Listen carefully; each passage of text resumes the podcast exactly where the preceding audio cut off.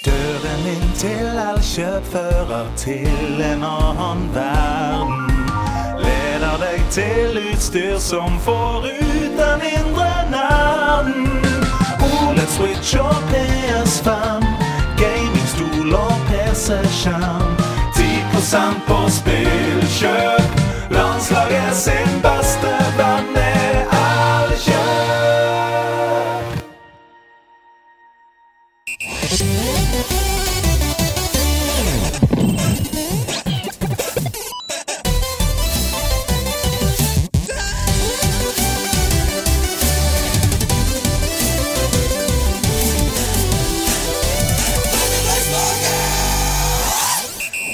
Han ble født i 1999. Han ble født på Vestlandet. Han Ja. er glad i alt som kryper og går av elektroniske duppeditter og rare spill og filmer.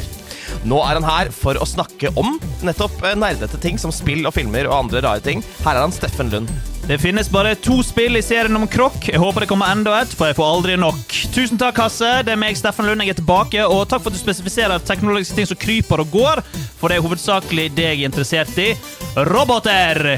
Jeg liker roboter, jeg liker roboter! Og til min høyre side mannen med en svart caps og svart genser og svarte bukser. Skulle trodd han prøvde å gjemme seg for noen. Det er Andreas Hedemann! Nei! Hvorfor glemmer jeg alt jeg skal, og heller tenke på underholdning? Hvorfor? eh, Det er rar catchphrase. Kan jeg få høre det en gang til? Den tåler vi. Nei! Hvorfor glemmer jeg alt jeg skal, og heller tenke på underholdning? Ja, hvorfor glemmer jeg alt jeg skal, og heller tenke på underholdning? Ah, Den er, ja, men jeg liker den. Absolutt. Kan se for deg, Hva slags figur er det som ville sagt det? Er det f.eks. en Jim Carrey-aktig figur som eh, går opp i Du, det er eh, Jim Carrey, og året er 1997. Jim Carrey spiller en produsent eh, som eh, har et hjerte av gull, men jobber altfor mye. Ja. Og ser barna sine veldig lite. Og så tror han endelig at han har blitt bedre. Så ka- selvfølgelig så går han glipp av sønnens juleavslutning. Går inn i rommet, og så sier han med sammenbrutte tenner. Bare på engelsk, da. Jeg ser, også, Keep forgetting everything. Sånn. jeg ser også for meg det kunne vært Guffen Gås. Guffen gås, Ja, ja. ja, ja. Fra Andebys univers. Eh, helt riktig, Andreas. Eh, Guffen Gås fra Andebys univers. Tegnet av Don Rosa, tegnet av Carl Barks, tegnet av Tegnet hvem? av Donald Duck. Ja. Og hvi- hvis bare han hadde hatt eh, tilgang til en eh, TV for eksempel, og en spillkonsoll, og da hadde jo ikke bestemor Duck gitt han noe annet enn en klask på baken, vet du. Nei. Eh, men Guffen Gås tenker jeg dette catchphrase kunne passe til. Dere tar alle feil, for det passer til meg! Mm. Det kommer fra min egen Super Mario Wonder-stream. Det er Septastic som har sendt inn catchphrasen. Jeg skulle eh, greie 100 en bane Ja. og få tre av disse lilla coinsene. Ja. Mhm. Eh, og så skriver jeg Nei, hvorfor glemmer jeg alt jeg skal? Og heller tenke på underholdning. Fordi jeg syns ikke, det er noe- jeg synes ikke det er gøy å lete etter de ti coinsene, så jeg prøver å gjøre artige triks. Ja, du- Riktig. Du tenker på at du har lyst til å underholde seerne. Nettopp, eh, i- ja. Når du egentlig burde konse på de coinsa. Det er akkurat det. Og så hopper Mhm. jeg i mål, og så er det sånn Ja, nå må jeg ta hele banen en gang til, fordi jeg glemte at jeg skulle ta disse coinsene. Ja, og da begynner folk å snorke. Ja, fordi jeg tenker heller på underholdning, som blir en motstridende effekt. For det er ikke underholdning lenger. Men gjør du dette på stream, eller st- sparer du det til seinere, når du er av stream?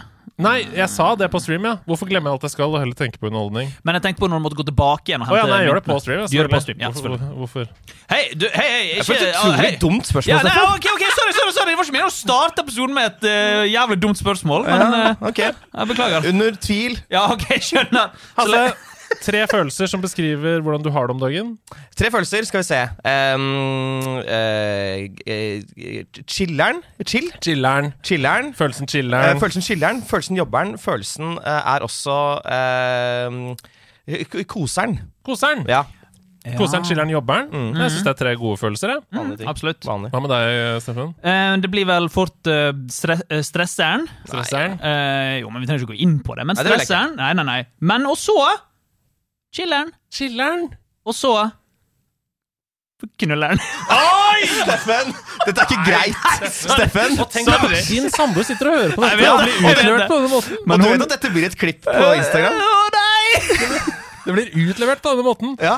Hei til deg, Aurora. Hei, Aurora. Eh, takk for at du bidrar i Steffens liv. Ja. takk. Mm. Noe annet som skjer i våre liv om dagen, er jo at det er nok en uke i Nederiets eh, navn. Mm. På, Ja, på shit. alle mulige måter. Eh, Steffen, du Ja. kliner til du med quiz. Ja, ja, ja, fy, paddel, fy palle! Ja, i morgen en dag, Eh. eller i dag, da, hvis du hører på dette på premieredagen, nemlig på House of Nerds på onsdag Riktig. 29. november. Så hvis du hører på dette eh, på Spotify, for eksempel, så skjer quizen bare noen timer. Ja. Kom deg ned med en gang. mange å timer høre før. Så Slutt å høre på! Kom deg ned dit med en gang. Eh, nei, det starter klokken seks Mm. i morgen. Jeg tror det blir veldig gøy. Hva kan folk forvente? Si én ting de kan forvente. Um, musikk. Oi, musikk, ja. Ja. Har du lyst til å tease noe knytta til det? Nei, altså, det er jo hvis man har vært på en av quizene mine før, det blir, det blir sang. Eh, jeg vil fremføre noen sanger. Ja. Det blir eh, spørsmål, det blir musikkspørsmål, det blir eh, rebuser, det blir gåter, det blir bildeoppgaver. Det Mm. blir masse forskjellig gøy i denne quizen her. ja. Noe for, en, hver- noe for alle aldre, tror jeg Noe vi kan si. f- ja, no, ja, noe for alle aldre. Ja. Inkludert da nullåringer som ikke forstår språk. Det ser veldig rart Ja. ut. Jo, men de også. Jeg står For du for pleier å det. si «mi-bu-bu-bu-bu» Ja. før spørsmål ni. Ja, Et spørsmål er jo gigi-gogo-gaga. Spørsmålstegn. Alternativ ABCD. Ja, riktig. Mm. Det er fortsatt julesalg i hele november på nerdelandslaget.no. og Det er siste gang vi sier det nå, fordi det er siste uka det er salg. Du er nødt til å være rask hvis du skal benytte deg av det. Med koden 'spilljul' så får du 14 rabatt. Mm. Fordi det var ikke mulig å ta 13,37 som vi selvfølgelig ønsket oss. Ja, for det er jo lit. Eh, på alt i nettbutikken. kult, da. Ja, elite, da! Hvis du har lyst til å kjøpe julegave med rabatt, så er natt til fredag aller siste mulighet. Det kommer aldri til å være rabatt igjen. Oi, Det er drøyt å si. Det tror jeg du kommer til å angre på at du sa. det, må, det må du stå for, Andreas. Jeg kommer aldri til å ha rabatt igjen. Men tusen takk til alle som har benytta seg av tilbudet så langt. Det er veldig mange. Vi, eh, Så gøy. Butikken renskes ut. Eh, Det betyr jo mye for oss, rent økonomisk, åpenbart. Mm. Men det er også veldig koselig, syns jeg, å tenke på at folk går rundt i nerdelandslaget-klær, da.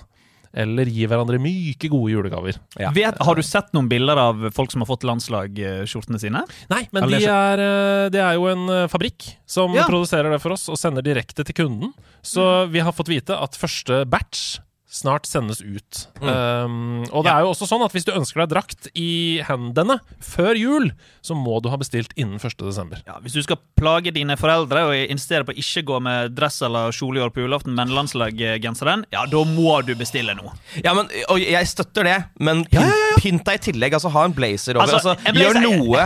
Ja, Men da ekstra- ser man jo ikke at det står 6969 på ryggen Da får du ha fine bukser, da. ja, men blazer den andre veien nå, Andreas. på foran. Foran. Der har Og vi så det. åpning bak. Ja. Det er, eh, ja, jeg syns det er gøy, det. ja, lett løsning. Det er gull. Det er gull. Det er spillgull. Spillgull. Apropos spillgull. Hva spiller du om dagen? Altså, Yes! Det er kjempeovergang. Det er veldig bra. Eh, Men vi har blitt et velsmurt maskineri. Um, jeg tenkte å trekke fram eh, tre spill. Oi, tre spill! Mm. Et slags kinderegg. Ja. Og det ene er jo eh, eh, Super Mario RPG. Ja! Som jeg rett og slett har anmeldt til i dag. Vet du hva? Det er utrolig imponerende. Jeg må bare si det. Nå må vi stoppe opp litt. Oi. Du anmeldte WarioWare til forrige episode, Ja, og du anmelder Super Mario RPG til denne episoden. Mm. jeg gjør det. Du har lagt deg så i selen for lytterne de siste ukene at vi må stoppe opp og gi deg en applaus. Nei. Og man begynner liksom også å mistenke litt, da, for at eh, eh, Herr Miyamoto har jo vært litt stille den siste tiden. Eh, du har ikke Altså, du, du skulle ikke til, tilfeldigvis være herr Miyamoto i eh, ulveklær, du, da? Nei, Miyamoto, er du her?! Eh, I don't know uh, what that's why I see him today. Angrer. Jeg skjønner ikke. Japan. Jeg angrer. Uh, Umiddelbart. does it look good? Miyamoto Hva, er hva, hvis, hva, vi må spørre translate! Hva Ja. skal, vi, hva skal vi stille, stille han spørsmål? Jeg har, jeg har jo lyd her. Hu- Husk, kj- kjapt spør han om han har lagd Mario. Jeg tror det er et veldig bra spørsmål. Ok, Jeg står for det eh, spørsmålet. Har har- du lagd Mario? Da, da, da skriver jeg nå Vent, da. Jeg skal translate til japanese. Det virker som Eh, om han forstår oss. da, for når jeg Har sier ting du til han- laget Mario? Her kommer eh, oversettelsen. Ok, få høre. Skal vi høre? Ok. マリオを作りましたかうん、本当に、あの、そうです。あの、私私は、あの、スーパーマリオ、uh, RPG を、uh, できました。あの、つ作りました。あのそうですよ。うん。 Går det andre veien også, dette, sånn at vi skjønner hva han sier? Eller må vi bare Ja, jeg har laget det og liker det godt. Wow. Ok, Og det sa han? Ja, tydeligvis. Dette er veldig bra. Miyamoto, tusen takk. Du er en eh, herre. Eh, Du er en glede å ha gjest. Men jeg må dessverre spørre, kunne vi fått eh, Hasse tilbake? Vi er bare så glad i gutten vår. あすいません。あの、橋さん、あの、じゃあ、き来てください。はい、お願いします。お疲れ様でした。 Hørtes ut som gittgud. Nei, han sa ikke gitt good. Jeg er Hei, tilbake. Jeg er tilbake. Er du tilbake? Jeg er Fantastisk! tilbake. Wow! Man skulle tro man hørte på en eh, impropod fra det andre teater. Ja! Ja. Det andre teater. Nei, men Jeg har spilt eh, Super Mario eh, RPG, og jeg, kan jo ikke, si- jeg vil ikke si eh, altså hvor godt eller hvor dårlig jeg likte det, for det vil det skal være spennende å høre på, på anmeldelsen. Ja!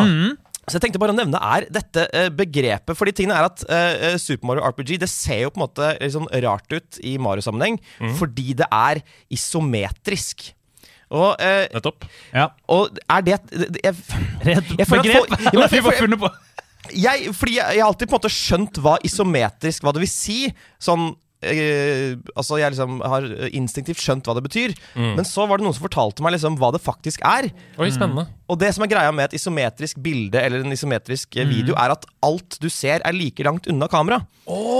Så hvis du for eksempel tenker, ser for deg Diablo Ja. Hvis du eh, finner en kiste og så går du ned på skjermen, sånn at den kisten er øverst på skjermen, så er den like langt unna skjermen som om den er nede. Spilleren. Ja, ok, ok, ok, ok, ok. Wow. Så det er det, egentlig det det er. Det er ikke bare det at det er skrått nedover. Det er, fordi Hvis du faktisk hadde sett skrått nedover, så ville jo de tingene som var lenger unna, vært mindre. Men sånn er det ikke i et isometrisk Dette er eh, et veldig godt poeng, og jeg er helt enig i det at når du sier et isometrisk spill Jeg ser det veldig klart for meg, men jeg kunne aldri forklart det der. Nei. Nei. Nei. Og dette er en veldig eh, For et lurt grep. Den Ja. som kom på isometri en Ja. gang i tiden. Eh, jeg, tar hatt, jeg bøyer meg i hatten, slik som Eide Weng gjorde. Ja. Eh, for eh, dette er jo en, eh, l- et lureri med vår hjerne. Vi tror jo at det er mye mer avansert enn det egentlig er. Ja, Ja. absolutt. Og så er det ikke det. Eh, men eh, det er, og det er, det er et herlig Nei, jeg, kan- jeg, kan jo ikke, jeg vil jo ikke si noe! Nei, ikke si En- noe. eh, kanskje det ikke er herlig. Nei. Ikke si Ah, noe. det er herlig, eller kanskje det ikke er herlig. Ja. Ok, jeg skjønner. Mm. Men gled dere til anmeldelsen. Ja. Eh, nei, skal vi, vi bare spiller anmeldelsen. Nei, det er bare tull. Um, I tillegg så har jeg spilt eh, et spill som Jeg lurer på om det var du som sa du hadde spilt det for noen måneder siden, Andreas. Cocoon? Ja, kokun, ja. Mm. Ko- Cocoon. ja. Er det ikke denne? Helt sikkert. Eh, fordi det er eh, kokong? Jeg, Kokong, ja. Mulig jeg bare Cocoon. norskifiserer det. Ja. Nei, jeg har spilt det. Nei. Eh, og eh, jeg visste ikke helt hva jeg skulle eh, tro, men jeg spilte det litt fordi nå har jeg liksom begynt den der runden der jeg skal spille spill som jeg tenker kunne vært på min topp 10-liste eller topp 5-liste. Ja, riktig. Ja, men Um, eh, jeg har begynt med det samme, Mm. Hasse. Ikke sant? mhm. Og eh, jeg tenker jo for eksempel, jeg har tenkt å spille Alan Wake 2, selvfølgelig. Ja, ja. Eh, og jeg har tenkt å prøve å spille litt av Boulderskate. Uh, spille 5 av Boulderskate, liksom. Det tar vel 40 timer, det. Eh, Vel så det. Um, men Cocoon vet jo jeg at jeg kan klare å rekke å spille ferdig før jul. Så da Mm. gjorde jeg det. Spilte gjennom hele greia, og det er jo bare eh, fantastisk. Men ikke minst så er det, det er et sånt spill Det er et av de vanskeligste spillene å beskrive hva er, uten å faktisk vise Ja. på skjermen. Altså Det er veldig vanskelig å liksom forklare helt, fordi det er litt sånn mindfuck-spill eh, innimellom. Du må liksom bare komme inn i et sånn, en sånn mindset. For du warper Jeg har bare sett litt sånn klipp fra det, men du warper liksom innover og innover og innover i bane. Eller tar jeg helt feil? Nei, det- Jeg føler jeg har sett han gå på en sånn plattform, og så Så su... uh, s- Det er lov å si, men suger kan være sø- Støvsuger suger. Ja. Det er en slags dimensjonshopping. Det er det du Ja. prøver å Ja, beskrive. det, det, takk, Andreas. Det er Ja. jeg prøver å beskrive. En Det er liksom- dimensjonshopping. Ja, Litt sånn Inception-aktig, der du på en måte finner en kule her, og så kan du gå inn i den kulen, og så kan du finne en kule inni den kulen som du kan gå inn i igjen, og så går du ut igjen, og det er, det er vanskelig å snakke om. Eller, ja. Du dette blir- er jo, jeg må bare si, dette er jo gameplay-skaperen fra Limbo og Inside. Ja. Altså, De var jo en duo, og dette er gameplay-ansvarlig, eh, som har gått sin egen vei, og så er det historieansvarlig, har gått sin a- en annen vei, Mm. som ga oss Somerville. Det, det er på en måte den andre halvdelen. Mm. Eh, vil du si, for dette er jeg interessert i å høre hva du syns om, at den ligner mer på spill som Altså Cocoon, da. Mm. At det mi- ligner mer på spill som Portal og The Witness enn det ligner på Limbo. 100 000 av 100 000 mulige. Dette appellerer meget til meg. Ja, ja altså det, er, det er mye mer i den eh, sjangeren der. Altså det, det, er, det var ikke noe tidspunkt der jeg f.eks. Uh, fikk en guffen, eh, ekkel følelse, sånn som jeg alltid fikk i, i Inside. Ja. Eh, eh, så de har ikke lagt noe vekt eh, på de tingene. Det er bare et rart, fint, vakkert, eh, d- absurd univers med masse t tankevirksomhet oppi ditt eget hode. Og jeg syns det er så fascinerende at det er så tydelig at Ja. gameplay-ansvarlig har gått i en gameplay-retning, mens historieansvarlig har gått i en mer guffenstemning. Ja, retning. ikke sant? det er helt utrolig. Altså, De burde jo jobbe De burde sammen. jobbe sammen, jeg skulle til å si det. Det er veldig trist. Ja. Det er et tap for eh, spillkulturen, men Ja, kanskje ikke. Men kanskje ikke, fordi jeg, jeg syns det er veldig fint å ha sånne spill som det her også, der jeg faktisk ikke trenger å tenke sånn Nei, har jeg lyst til å ha en guffen følelse i kveld? Nei, jeg har bare lyst til å eh, sette av to timer til å tenke masse og se vakre bilder på skjermen. Um, og det, er- jeg vil også bare si at eh, det er noen av de oppgavene du, er, du skal prøve å løse i det spillet, som, som jeg mener nesten er umulig. Um, så jeg, jeg fikk hjelp én gang. Og det, det skammer jeg meg over. Nei, det må du ikke. Jeg, s- nei, nei, jeg må ikke! Men jeg gjør det. Mm. For jeg det fikk også hjelp, Ja. og trengte ikke å skamme meg over det. Ok, jeg skammer bra. meg heller ikke over det nå. Nei, bra. Du er jo på en måte eh, det motsatte av eh, bestemor Duck. Hun må jo på en måte ha en guffen følelse. Der hun Den gården der hun bor, Ja, så så må må- hun på en måte Fordi guffen er alltid rundt, og da Ja, ja, har ja, hun du alltid blir en ikke guffen kvitt- følelse. Mm. Hun, ja, hun har alltid en guffen følelse. Det er jo litt opphengt i guffen i dag. Er Du, det, har, du, jeg har du vet- lest du- mye Donald i det siste? Jeg vet ikke. Jeg sto opp i dag tidlig, og så kom det som eh, lyn fra klar himmel at En, eh, eh, guffen-følelse. Ja, det var, det var en guffen dag i dag. Det er Sikkert fordi du har spilt så mye Alan Wake 2 i det siste. Ja, Ja. Du, det er helt eh, sikkert. Nydelig beskrivelse av Cocoon. Eh, må legge til at alle bør spille det. Ja, virkelig. Eh, det er jo ikke Det er, det er jo indiepris, holdt jeg på å si. Og, og det tar k- kanskje åtte Eller kanskje til og med seks timer å Ja, fullføre. åtte ikke, timer. ja, ja, noe sånt. Ja. Og det er vel også inkludert i GamePass. Så hvis man Ja. har det, er det vel en no-brainer. Det er en no-brainer. Bi- bi- bi- Eh, bare at Men du må bruke the br eh, all-brainer. Ja, det er all brainer. Men eh, kan jeg spille dette på min PlayStation 5? På PlayStation 5s eh, usikker. Jeg har aldri sjekket eh, Hva er det om du har spilt det på? X? eh, Spilte boks? det på eh, min PC-boks. Du kan Mm. definitivt spille Cocoon på din PS5. Sivs. My Du kan også spille goodness. det på en PS4. Det Ja. koster vel Ja. 249, tror jeg. Ja, men det er mer enn PS5. nok, det. Ja. Mm. D- eh, pund, altså. Å, fuck! Det er faktisk billigere enn ukulele akkurat nå. Det er sykt. Ah, ok, ok, det er jo sprøtt. Det siste spillet som jeg trekker fram, er ikke eh, Det er ikke laget av nullere og enere, hvis dere skjønner hva jeg mener. Ok, vi skal ikke til The Matrix. Nei, vi Så det skal er ikke 007, eh, 001 Golden ikke Double One Golden Eye. Eh, det er rett og slett et fysisk eh, eh, brettspill eh, som heter Wavelength. Som jeg har lyst til å anbefale absolutt alle. Eh, Ja, for dette har du snakka med meg om! Dette har jeg snakket med deg om. Jeg ble så gira da du sa det! Ja, fordi dette er rett og slett eh, Det ble kåret Eller jeg, jeg skulle ha en spillkveld, og så ville jeg kjøpe et nytt spill. Mm. Noen Innimellom liker jeg å gjøre det. Ja, Og da selvfølgelig. googlet jeg eh, Game of the Year, Ja. Goty, eh, 2022. Du følte det var nødvendig å søke på Game of the Year Goti? Ja, begge, begge deler i tilfelle. Eh, og da kom dette opp som eh, utvilsomt 20, 2022s beste eh, brettspill. Wavelength. Og jeg skal prøve å forklare det. Ja, bra. La oss si at eh, du og jeg er på lag, Steffen. Ok. Så sitter jeg med en sånn slags et metometer. Altså du har en, på en måte en, en halvsirkel og en pil som Mhm. kan gå fra bunnen på den ene siden og snurre rundt til den andre siden. Denne må du styre fysisk. på en Den styrer måte. du fysisk. Ja. Mhm. Eh, og så eh, kan jeg, er, det et, er det et hjul Mhm.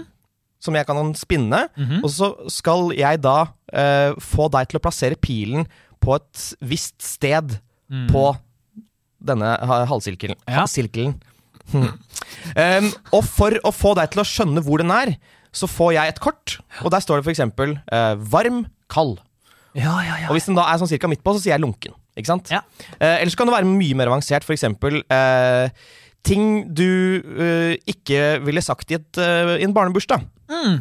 Og så hvis du da, hvis da pilen er liksom litt opp, altså eh, nærmer seg midten, Ja. så må du finne noe som du kunne sagt i en barnebursdag, men som du kanskje ikke ville sagt likevel. Men altså sånn Sånn litt inappropriate. Litt- litt sånn- Hei, er det noen som har bæsja eh, på seg I dag? eh, i dag? Ja. Barna Hæ, Barna, hæ, hæ. mer! De voksne er, Ah, er ikke så virkelig. veldig opptatt Ja, av ja, ja. sånn. Skjønner, skjønner, eh, er det forklart? Ja, jeg, jeg, Ja. jeg tror jeg skjønner. Det høres veldig gøy ut. Ja, Du Det er skal litt hele sånn- tiden prøve å liksom Du får to ytterpunkter, og Ja. så skal du beskrive det du tror den andre vil skjønne er akkurat der på eh, mellom de Skalaen. ytterpunktene. Det handler om å Skalaen. være på samme bølgelengde. Ja, la oss bare si det sånn. La oss bare si det sånn. Dette høres kjempegøy ut. Det skal jeg absolutt eh, kjøpe meg. Du vet jo at jeg er en brettspillmann, Hasse. Ja, jeg vet vel det. Jeg syns det er en så god idé. Og i utgangspunktet så er jeg alltid kritisk til brettspill som er avhengig av fysisk staffasje. For eksempel eh, brettspillet nå husker jeg ikke hva det heter, men som har en oppblåsbar figur som du skal sitte ved siden av Ja, den er- brettspillet. det er bare sånn Det er gøy én gang, og så er det aldri gøy igjen. Nei, Det du er sånn, blåser den aldri opp igjen. Jonas, har du tatt med blåse, blåsegutten? Ja, dessverre. ja, jeg har tatt med blåsegutten. Ja. Nei, men, eh, men dette er en kjempeidé, syns jeg. Fordi det er både humor implisitt i disse Du må finne på, du må være morsom når du finner på disse mm, wavelength-tingene. Det er smartness, og det er eh, rom for sånn Ville du sagt det i en barnebursdag?! Det Ja. er jo helt ute! Ja, det er masse sånn der, men også sånn frustrasjon fordi man kan tenke veldig forskjellig om ting. Mm. Eh, for eksempel så eh, fikk jeg eh, de to ytterpunktene sci-fi, fantasy. Ja. Og så sk- eh, sk- hadde min pil blitt plassert sånn at den bikket akkurat over på fantasy, men var fortsatt en del sci-fi. Ja, ja, Eh, og da gikk jeg for Star Wars, fordi Star Wars tenker veldig mange på som en ren sci-fi-film, men det er egentlig mer fantasy. Ja, Mm. det ja, er 100%. fantasy med liksom eh, teknologi. Altså Eh, hele, hele den sekvensen med Yoda og opptrening inne i skogen og sånn, Ja. er jo ren fantasy. Det er ren fantasy. Ja. Men de andre rundt bordet, som på en måte ikke er like filmnerde som meg, Mm, de var jo sånn Her kødder du! Eh, Star Wars Ingenting er mer sci-fi enn Star Wars! Jo, jo, Og så må jo. jeg si sånn Nei, men egentlig ikke, men jeg skjønner at dere blir frustrerte, for jeg burde skjønt at dere kanskje ikke var med på den greia der. Ja. Skjønner du hva jeg mener? Ja, så ja, blir ja. vi sånn der. Ja, det er gøy. Det høres veldig gøy ut. Ferdig. Jeg liker det godt, ass. Fra en som er ferdig, til en som nettopp har begynt. Steffen Lund. Ok, så jeg eh, har vært eh, Det har vært utrolig mye jobb i det siste, og jeg trodde jeg hadde ikke spilt noe som helst. Og så satt jeg meg ned i går bare for å skrive en liten liste på hva jeg har spilt siden sist. Og jeg har spilt masse! Jeg har spilt masse! Jeg har spilt Kjempemasse siden sist. Ja, så bra, da.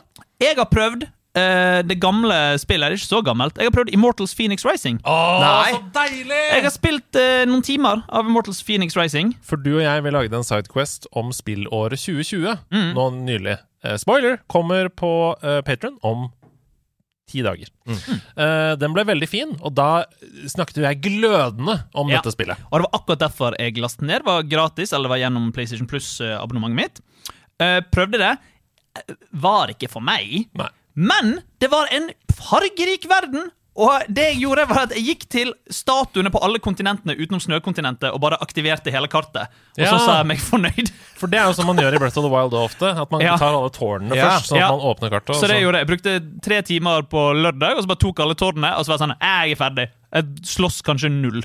Ja, men det er jo det er slåssinga som er gøy! Der er det RPG-elementer, og du velger Ja. om du vil spille Jeg range slåss- eller Jeg slåss litt, da, men eh, Så kanskje det egentlig er noe for deg, hvis du ikke bare hadde kon- konsa på de dumme Ja, kartene. men jeg ble helt, jeg ble helt gæren etter å få, få, de, eh, få de statuene og Mm. aktivere det kartet. Men det skjønner jeg at man blir, for det er jo veldig vakkert. Eller det er fargerikt og Det er det, det gøy og er farg- fin musikk og go- Absolutt fint. Og gode jeg tok, omgivelser. jeg tok flere bilder.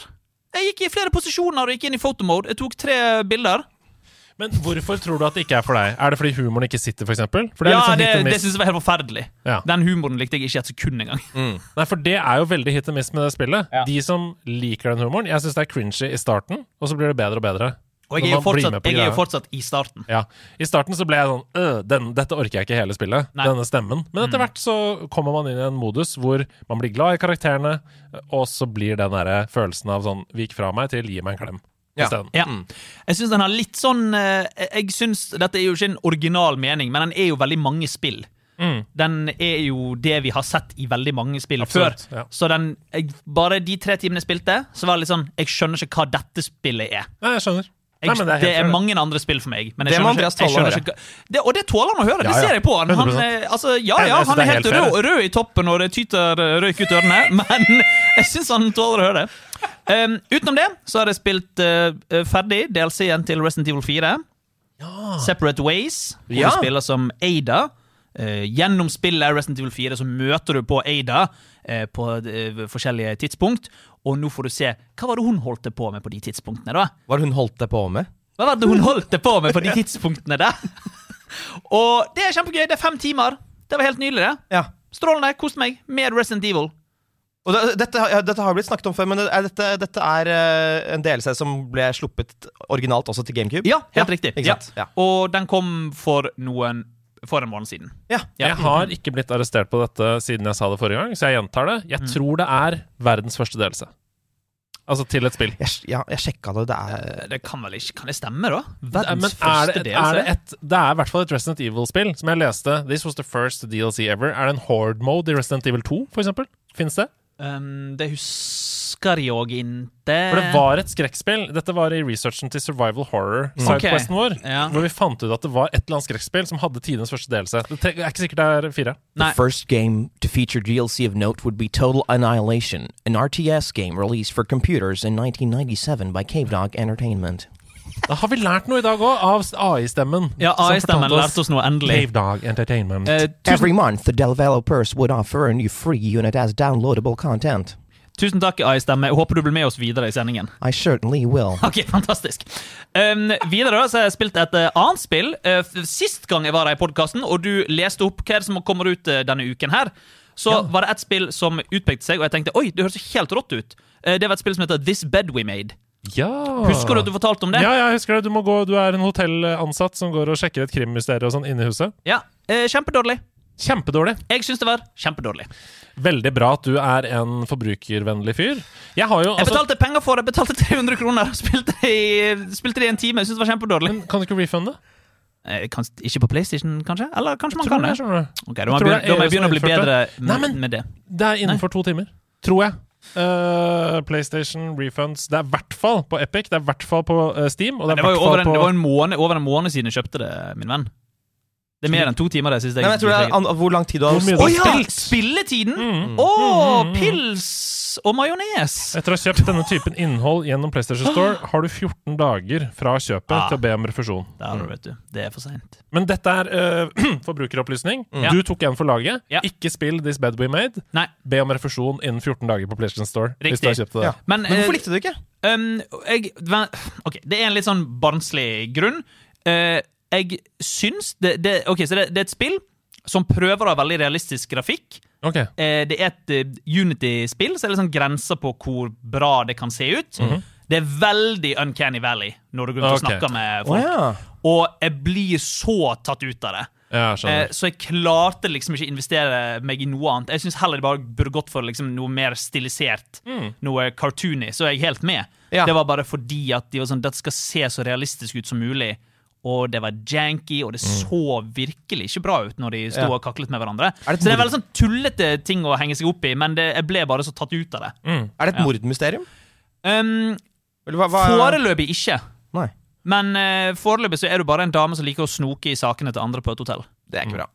Det er ikke bra. Mm. Legger men- til at eh, dette har vi også nevnt før i nederlandslaget, men i nyhetsspalten vår, der hvor vi kommer til værmeldingen og snakker om spill som kommer, så eh, er det jo før eh, anmeldelsen er sluppet på Metacritic. Så Mm. dette er jo spill som vi da trekker fram fordi vi av en eller annen grunn syns det er noe interessant med det. Mm. Men det er veldig veldig viktig at dere som hører på, går inn på YouTube, ser på en video, tenker sånn Er dette noe for meg? Før dere bruker 300 kroner. For Ja. vi, går- vi Ja. går ikke god for det når vi snakker om det. i og det værmeldingen. gjorde jeg ikke. Jeg gikk rett fra den podkasten hjem og kjøpte det og spilte det den dagen, og angret.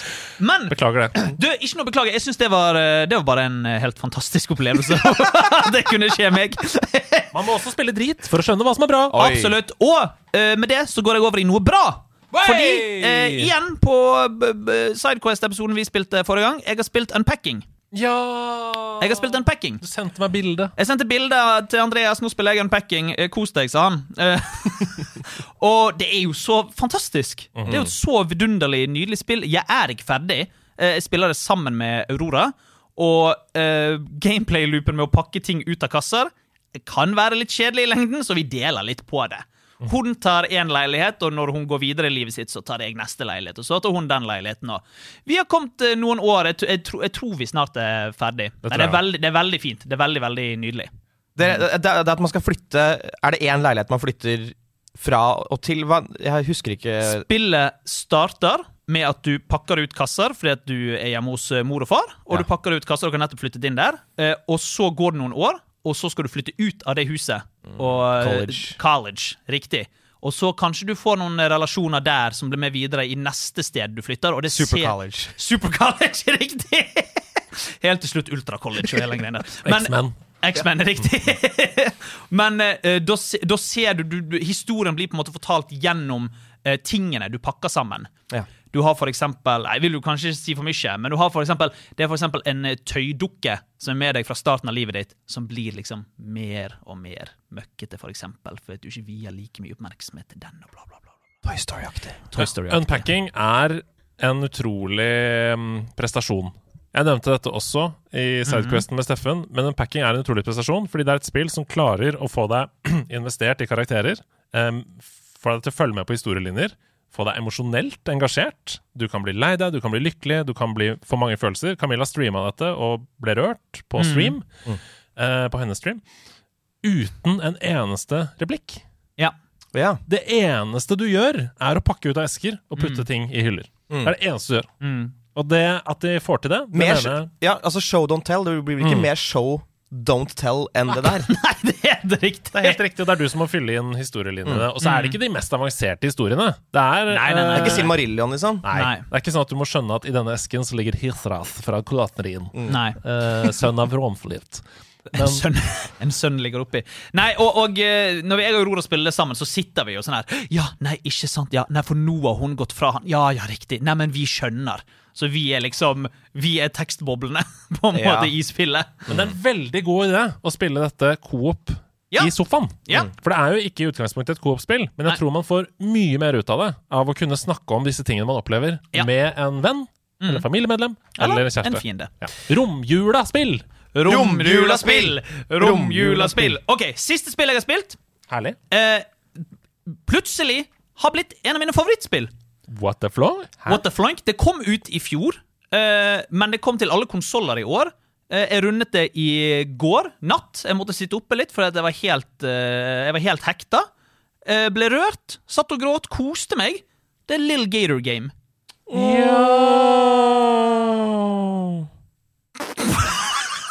Vi fikk faktisk tilbud om anmeldekode til Nei, gud. Lill Gator Game Ja. eh, på konsoll. Ja, Fordi det, som du sier, det Ja, kom nå. det kom Vi veldig sa nylig. nei, for vi hadde ikke kapasitet. Så Åh. da er det bra at du Ja. har tatt tak i det. Jeg har tatt tak i det, elsker det. Eh, for, min del er det for min del er det 90 av 100. Oi. Ja, ja, absolutt. Helt fantastisk eh, spill. Og det er så fint, så rørende, og så søtt. Og det er så enkelt. Du spiller, du spiller som et eh, eh, barn som når han og søsteren var ung, eh, lekte sammen hele tiden. Nå har søsteren blitt eldre, eh, begynt å studere, og hun er tilbake i hjembyen og må sitte og gjøre skoleoppgaver. Og det syns du er veldig kjedelig, for du har bare lyst til å leke med søsteren din. Så for å få søsteren engasjert, så samler du alle vennene dine på øyen for å lage verdens kuleste lek for å engasjere søsteren din. Og det er målet.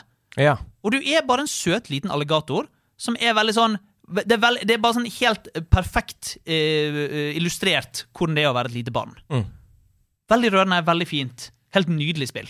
3D-plattformspill. Ja da. Eh, Akkurat nå, dette er helt useless for de som hører på, fordi i 6,5 timer til så er det tilbud 40 rabatt på, på Steam. Ja, Så i fortiden så var det det, folkens. Så hvis du ser på dette på Twitch, det er det jeg prøver å si, Ja. gå inn og skaff deg Little Gator Game på Steam, da vel. Eh, hva koster det på Nintendo, da? Hvor er det du har spilt det? Eh, PlayStation. Alt koster 600 kroner på Nintendo. Mm. Var det inkludert i Nei, det var det ikke. Måtte kjøpe. Men det var jo ikke mye. Jeg tror det var 200, 250, kanskje. Koster 20 dollar på Nintendo Switch, så da er det rundt 229, da, så- sikkert. Ja. Eh, så det ser helt supert ut. Altså, Mm. på, på Steam så er anmeldelsene overveldende positive. Det, det er skikkelig bra. Ja, Det er ti av ti skikkelig bra. Mm. på Steam. Ja, gøy. Wow. Nei, am- Kjempegøy for et tips! Mm. Ja, anbefales virkelig. Det Lill skal jeg Gator spille Game. i dag. Skal jeg spille. Ja, fantastisk. Hva med deg, Andreas? Du, det, takk for at du spør. Eh, Dette blir en reise. Dette blir en reise som hekter seg på tidligere historier i Mm. nerdelandslaget og osv. Og jeg gleder meg til å ta dere gjennom disse tre spillene. Oi, guri. Forrige uke så sa Stian og jeg eh, Jeg kom til skade for å si at eh, jeg hadde lyst til å teste frisbeegolf på Ekeberg. Eh, Mm. Big grunnen til at jeg mistake, sier- pal. Ja, grunnen til at jeg sier at jeg kom til skade for det, er jo for jeg vet at det heter diskgolf. Å ja. Mm. Det heter ikke frisbeegolf. Nei, Det nei, nei, heter det ja, da ja, vi nei. var barn. Ja, Mm. ok. Ja. Eh, Det heter discgolf. Så hele Norges discgolf-community har selvfølgelig Å, outraget nei. på meg. Å, de kom denne etter deg. uken, og sendt meg meldinger. Eh, veldig kult at du har lyst til å teste discgolf. Eh, parentes, by the way, det heter ikke frisbeegolf, det Ok, heter ok. discgolf. Ja. Mhm. Mm. De meldingene har jeg fått. Eh, bli med opp på Ekebergsletta, du skal få låne disker av meg. Det heter ikke frisbee, det heter disk. Ja, riktig. Og jeg syns det er fantastisk! For Ja. Mm. et engasjement, for en glede. Og jeg, og jeg skjønner også hvorfor. Fordi jeg er en sucker for eh, Instagram reels og TikTok. Jeg blir sugd inn i det og forsvinner inn i det. Så lenge du blir sugd. Og det er veldig ofte sport det handler om. For meg. Ja. Ekstreme prestasjoner i ulike idretter. Jeg er utrolig glad i sport, og derfor Discgolf Aces. Åh, jeg kan scrolle på IG Reels i 100 timer Ja, riktig. av noen som står på en ti da, og kaster denne disken helt vilt, og den spinner, og Mm. tjing! inn i den derre Kjetting. Dingen Ja, i ja, målet. Å, det er så deilig følelse! Det samme gjelder vanlig golf, det samme gjelder syke mål i amerikansk fotball, det samme gjelder basket. Jeg, jeg forsvinner i det. Dette førte til at Norges discgolf-community har sagt hvis det er vanskelig for deg å møte opp fysisk, det er et mobilspill Ja, guri. som er kjempebra, som heter diskgolf. Parentes, ikke frisbeegolf. Står det i AppStore. Ok, Og det er, Det er Ja, gratis. jo noe- ja, det er jo noe for deg. Du elsker jo disse mobilspillene. Helt riktig. Det er eh, gratis, eh, og det minner om minigolf, bare i lufta, på en måte. da Altså Du har disker, du velger forskjellige Det er overraskende dybde i det. Du velger forskjellig distanse på de, litt som at du velger en golfkølle som, som slår i ulik lengde, om det er et femmerjern eller om det er en driver, f.eks. eksempel Så ha, oppfører også disse diskene seg forskjellig. Du må se på luft, du må analysere banen, hva, hvordan går vinden, og så må du da flikke på mobilen din, denne disken. Utrolig avhengighetsskapende, altså. Å sitte på trikken og diske litt. Er, er, er det mikrotransaksjoner? Kan du kjøpe veldig sånn diamantdisk? Disk, disk for eksempel? Den blir veldig tung, så jeg Ja. tror ikke den eh, men, men absolutt mikrotransaksjoner, Ja. Mm. eller mulighet for kjøp i spill, som det står inne i, i det. Jeg har ikke benyttet meg av dem. Ah. Bra. Jeg har bare disket meg inn i eh, ferskvaredisken. Um, men jeg koser meg veldig med det. Det er Ja. det som er Ja. Mm. poenget. Eh, det er lett å ta opp, lett å kjøre en discgolfbane, og så logge av igjen og gå av toget. Ja, Gøy. for Du, du Den- må av toget etter hvert. Mm, man, må det. man kan ikke sitte på Nationaltheatret bare fordi man blir oppslukt i discgolfens eh, finurlige verden. Nei, riktig. Mm. Og man må ikke ha spilt discgolf før. Sånn som eh, jeg har aldri spilt discgolf. Ikke jeg heller. Spilt frisbeegolf. Ja, ja. Parentes, ikke. Nei, jeg, jeg har heller aldri spilt discgolf før, men det er jo mange av de samme prinsippene som eh, tradisjonell golf. Ja. Så hvis man er glad i det, spill det. Dette førte meg over til et annet av mobilspillens verden, Ja. fordi i det siste så har overskriftene blitt større og større i font over at Netflix virkelig satser på spill. Um, I starten føltes som en litt sånn rar tilleggstjeneste til Netflix. Det blir bare bedre og bedre. De fyller opp sitt mobilspillmerke Marked, ikke merke. eh, I Netflix-appen sin. Ok, for, og, det, og det, dette lurer jeg på, fordi at jeg har veldig lyst til å spille Immortality Mhm. av Sam Barlow. Og jeg vet at det er på Xbox, og det er på PC. Mhm. Ingen av de eh, er noe jeg bruker, men det er også på Netflix. Em, men jeg har hørt at måten det fungerer, er at du spiller på mobilen. Mm. Det er ikke, jeg trodde det var en håndkontroller som Nei. kunne streames til TV-en. La meg forklare, min venn! Ja, takk. Du går inn i din Netflix-app, Ja. og så velger du kategorien som ligger under filmer og under serier, som heter spill. Bill. Eh, der blar du deg gjennom alle de fantastiske spillene som ligger der, blant annet Immortality. Trykk Mhm. på det. Netflix sender deg videre til AppStore, der du laster den ned gratis. Ja. Det er som en dørvakt som sier ja, du, Å, ja. du slipper inn. Og da har du spillet på mobilen, bare? Yes. Så kan du åpne det. Og når du da Mm. Ah. åpner det, da har på en måte spillet på din startskjerm har et lite ikon øverst Du kan se på her på meg. Ja. Øverst i venstre hjørne, en N. Som vil si at dette er Netflix-versjonen av det spillet. Ah, Så riktig. når du åpner den, det er det samme spillet. Forskjellen er bare at du må logge inn på Netflix når du skal spille. Ja. Kommer den der dong-dong Netflixen? Nei, det er Og for det ville ikke du. Du vil ikke høre den. Nei, vi- jeg vil ikke høre den, skjønner du. Den er fin, jeg. Så dette er veien til å få seg et spill via Netflix. Du må bare Ja. ha et abonnement. Du finner det inne i selve Netflix-appen. Riktig. ok Det spillet som jeg har funnet, heter Leias Horizon. Leias Horizon. Hmm. Og det er laget av de samme, det tror jeg, som den evige memen i eh, nederlandslaget. Hmm. Ja da. Altos Odyssey. Riktig. Er det samme konsept? Skli nedover bakke? It is 3D, my friend. You have a wingsuit, my friend. You fly through the air. You saw through rings. Jobber du i en kiosk i You Hellas? do objectives. You You saw through the air. Nei, altså, du, du spiller som Leia, som er en kvinnelig eh, hovedperson som har en wingsuit, og du flyr gjennom luften, gjør objectives, eh, oppdager verden. Det er en slags open world med missions. Nei, guri. Meget eh, bra lagd. Eh, du styrer med fingrene dine. Intuitive eh, bevegelser. Hvis du f.eks. skyver begge fingrene fram på skjermen, så stuper du selvfølgelig ned. Mm. Ikke sant? Og så videre.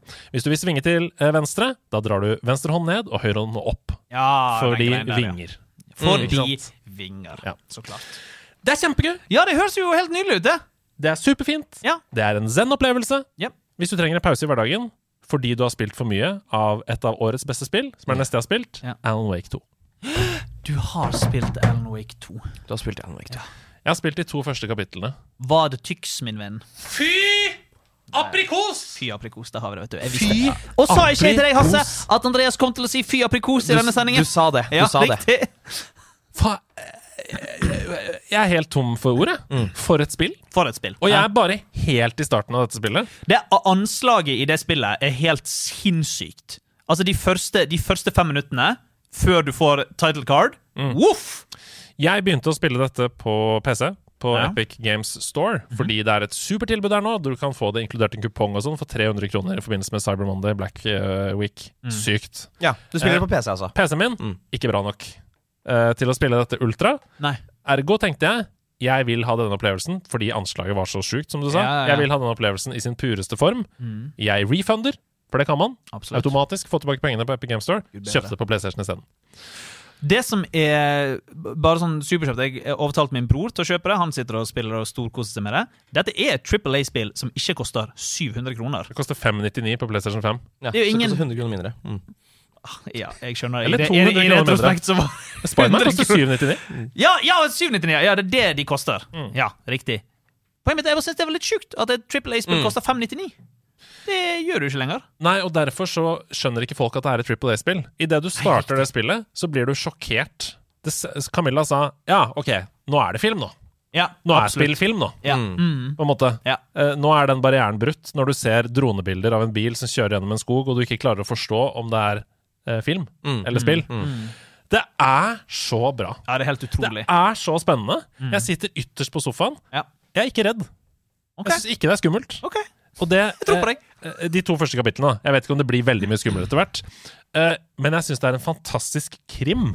Altså, dette er jo som å bli dratt inn i broen med Mm. Ja. en gang. Det er nordic noir eh, over det hele. 100 Bortsett fra at det føles som det eneste stedet jeg har lyst til å være, nemlig en liten småby i Colorado. eh, Ja, riktig. med en lake og eh, en enklere liv, Ja. der de går på jakt etter hjort Mm. Ja. under Deerfest, som Ja. er det man Ja. blir eh, satt inn i. Mm. Ja, Det stemmer. er så bra. Det er helt eh, utrolig bra. Og det- Manuset er så bra. Ja. Eh, alle følelsene er så bra. Mindplace er en genial oppfinnelse. Mm, jeg, jeg, jeg er helt enig. Og til å begynne med det Mindplace-greiene trodde jeg skulle være litt mer eh, puzzle-aktig. Og du kan gjøre det til puzzle hvis du vil, men egentlig så er det bare for at du skal henge med hele tiden. Og det syns jeg er helt genialt. In mind place, in mind place. Det er Coldplay, det er en Coldplay-låt. Mm. Jeg har ikke noe å bidra med på akkurat, så jeg måtte bare eh, Du, har, spille. nei, slutt, du hadde jo noe å bidra Du kom med den Coldplay-låten. Trommisen i Coldplay må ha en veldig kjedelig dag på jobben når man spiller In My Place. Ja, veldig, veldig Det kjedelig. er, eh, Men dette er jo så gøy, Fordi eh, så Ja. dette er, det, det er dette spillet som jeg vet jeg må få spilt øh, innen året er omme. Altså, det 100%. Jeg tror- virker så fantastisk gøy. Jeg tror du hadde likt dette spillet veldig godt, Hasse, og jeg har veldig lyst til å eh, snakke med deg om spillet, for jeg ser også for meg vi kan ha litt forskjellige meninger om liksom eh, historiefortelling og sånne type ting. Så jeg har veldig lyst til at du spiller, og vi kan prate om det. Jeg elsker at det utgir seg for å være en straight forward opplevelse, og Ja. så fucker det med hjernen din så brutalt Ja. allerede etter én time. Ja. Det, Eh, ja. Mm. Jeg elsker det.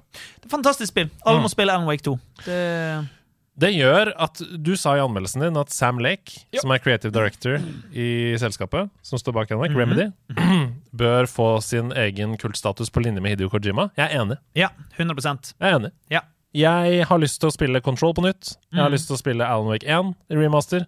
Max Payne 2. Eh, ja. Jeg har Max lyst til å Payne 2, spille alle The Fall of Remedy- Max Payne, så klart. Jeg har lyst til å spille alle Remedy-spill på nytt fordi Alan Wake 2 kommer til å knive for meg om tittelen Game of the Year. Og det er sykt i Det er sykt, for du, si, tidenes spillår. ja, for du også sier jo klart og tydelig at du har ditt favorittspill gjennom tidene.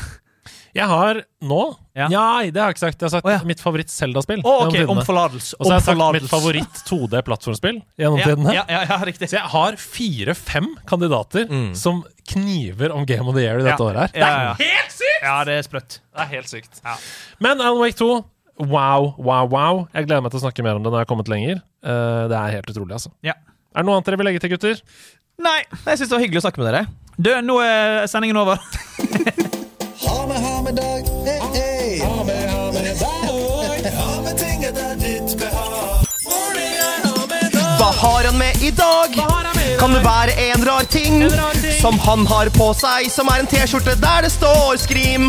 Ja, det blir spennende å se hva jeg har med. Det må være her et sted. Bare la meg lete nedi her. Hva har jeg med i dag? Steffen har tatt over rollen til gamle Stian Blipp. Stian Nemlig at han har glemt å ha med seg en hammedagting. Hva har han tatt med seg nå? Det blir spennende å se. Jeg er sikker på at det får oss til å le. For det er ha med dag. Ha med dag 2023. Du har på deg noe som du kan ha med. Jeg har tatt på meg en eh, genser i dag Den er helt fantastisk. eh, fra en eh, film jeg liker eh, veldig godt. Mm. Eh, det er en eh, Skrik-genser. Og jeg må bare si, det er for få ting igjen i samfunnet som er plagg der hele plagget er et motiv. Ja. Og det er denne genseren her. Det er eh, coveret til eh, det- Skrik eh, 1. Ja. Med Drew Barrymore. Drew Barrymore, helt riktig. Eh, og eh, ja, Skrik er en av de beste skrekkfilmene gjennom tidene. Mm. West Craven. Og det er jo altså sånn at fjeset til Drew Barrymore har på en måte tatt over din body. For det er over Absolutt. Mm. absolutt, hele kroppen din.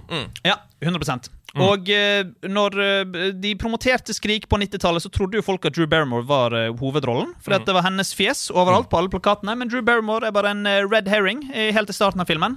Det er jo, mm. Syns du at Scream er en av tidenes skrekkfilmer, altså? Hasse? Eh, jeg vil i hvert fall plassere den på topp 20. Ja. Mm. Det vil jeg. Jeg syns det er en, en veldig, veldig kul film, en veldig viktig film, som tok skrekksjangeren eh, f- Første gang en storfilm som liksom turte å tulle med alle eh, de klassiske skrekkelementene. Mm. Så det er, det er jo nesten en komedie. Ja, det er absolutt en eh, komedie, og litt historie til eh, Skrik. Eh, Den skulle hete, altså førsteutkastet av eh, Skrik, eh, det manuset heter Scary Movie. Oi, det er interessant. Yay. Og det er derfor Scary Movie heter Scary Movie. Wow, Som så et Scary lite- Movie-menneskene var også ganske smarte. Ja, riktig. Eh, Skynd deg å se den før det blir desember, for det er kun november man ser på skrekkfilm. Riktig. Du har Så- én dag. Ja, da, en dag igjen, min venn. Ja. Jeg har med meg noe. Ja! Fantastisk! En fysisk ting. Nei, guri. Som ble gitt i våre hender, Hasse. eh, på Spillekspo. OK, nå er jeg eh, Jeg klarer så vidt å Vi har jo helt fantastiske eh, lyttere, spillere, på nederlandslaget. Der alle er spillere og ingen sitter på benken. Og en av dem har gitt oss julepynt. Som er fjesene våre perlet med nisselue. Inkludert deg. Inkludert Steffen Lund. Nei, det er det ikke. Er det? Jo, det er det. Det er det. Steffen, Serr? du har fått din egen eh, perlede nissefigur som du kan henge Nei, opp guri, det er jo hjemme hos deg meg! selv. Hasse, her Steffen. er du. Jeg også! Du er din egen perlete nissefigur. Her er jeg med mitt eh, røde skjegg. Her er er, jo Se helt- på dette! det er veldig fantastiske! skjeggete gjeng. Det er Ja. fantastisk. Her er Ida, eneste uten skjegg. Godt poeng. Så vi må, vi må få flere som ikke har skjegg i nederlandslaget. Får vi, får vi disse, eh, Hedos? Du skal, du skal Kan jeg henge henge dem den på treet? Ja! Nei, Fy kasse, så hyggelig! Og her er Stian. Ja, vi ser Med det, Stian. Mm. nissefigur, skjeggete fyr. De er altså så fine. Tusen hjertelig takk. Ja, Hvis det er- tusen, tusen takk. Du som har perlet dette, det var så mange mennesker, Mm. så eh, du sa ikke navnet ditt. Gjør Men- deg, gjør deg kjent med den. Gjør deg kjent, slik Ja. at vi kan legge ut dette på Instagram. De er fantastiske! Ja, de er jeg skal henge nydelige. opp eh, figuren av meg selv her i studio. eh, bak her. Mens jeg skal henge det opp hjemme hos meg selv. Jeg skal også henge den opp hjemme hos meg selv. What? Jeg sitter og perler nå, sier Spenaya på Twitch. Nei, fantastisk, Benaya. Fantastisk. Ja. Det kan det være eh, henne, da. Kan det være Spenaya? Mm. Mm. Ingen vet. Hva med deg, Hasse? Har du med deg noe til Hamedag? Ja, eh, det blir, jo, det blir jo mye film, da. Når eh, Steffen også skulle snakke om en film. Men sånn er det. Eh, Det er jo min eh, andre store lidenskap eh, her i i livet. Mhm. Ja. Um, og eh, jeg er også veldig opptatt av YouTube. Jeg kommer ofte med YouTube-tips, fordi jeg er liksom YouTuberen, da. Du er Eh, youtuberen av eh, nederlandslaget. Ja, du er det. Ja, ja, jeg var ja, ikke klar over det. Det er fantastisk. Um, og da vil jeg anbefale en um, Altså Jeg er veldig glad i å se på essays, film, altså eh, essays Mhm. på YouTube om film. Og da er han som jeg mener er den aller, aller flinkeste av dem, er en som heter Patrick H. Ah. Williams. Som eh, lager veldig liksom gjennomarbeida Lange, lange videoer der han liksom har originale ideer om eh, hvordan film lages, om hvordan bransje, filmbransjen er, osv. videre Og det er skik skikkelig, skikkelig bra. Og han har rett og slett laget en, en eh, ny video eh, som jeg anbefaler alle å se. Og så kan dere godt fortsette å, å se på kanalen hvis dere vil. Eh, det er, den heter When Movie Stars Become Brands.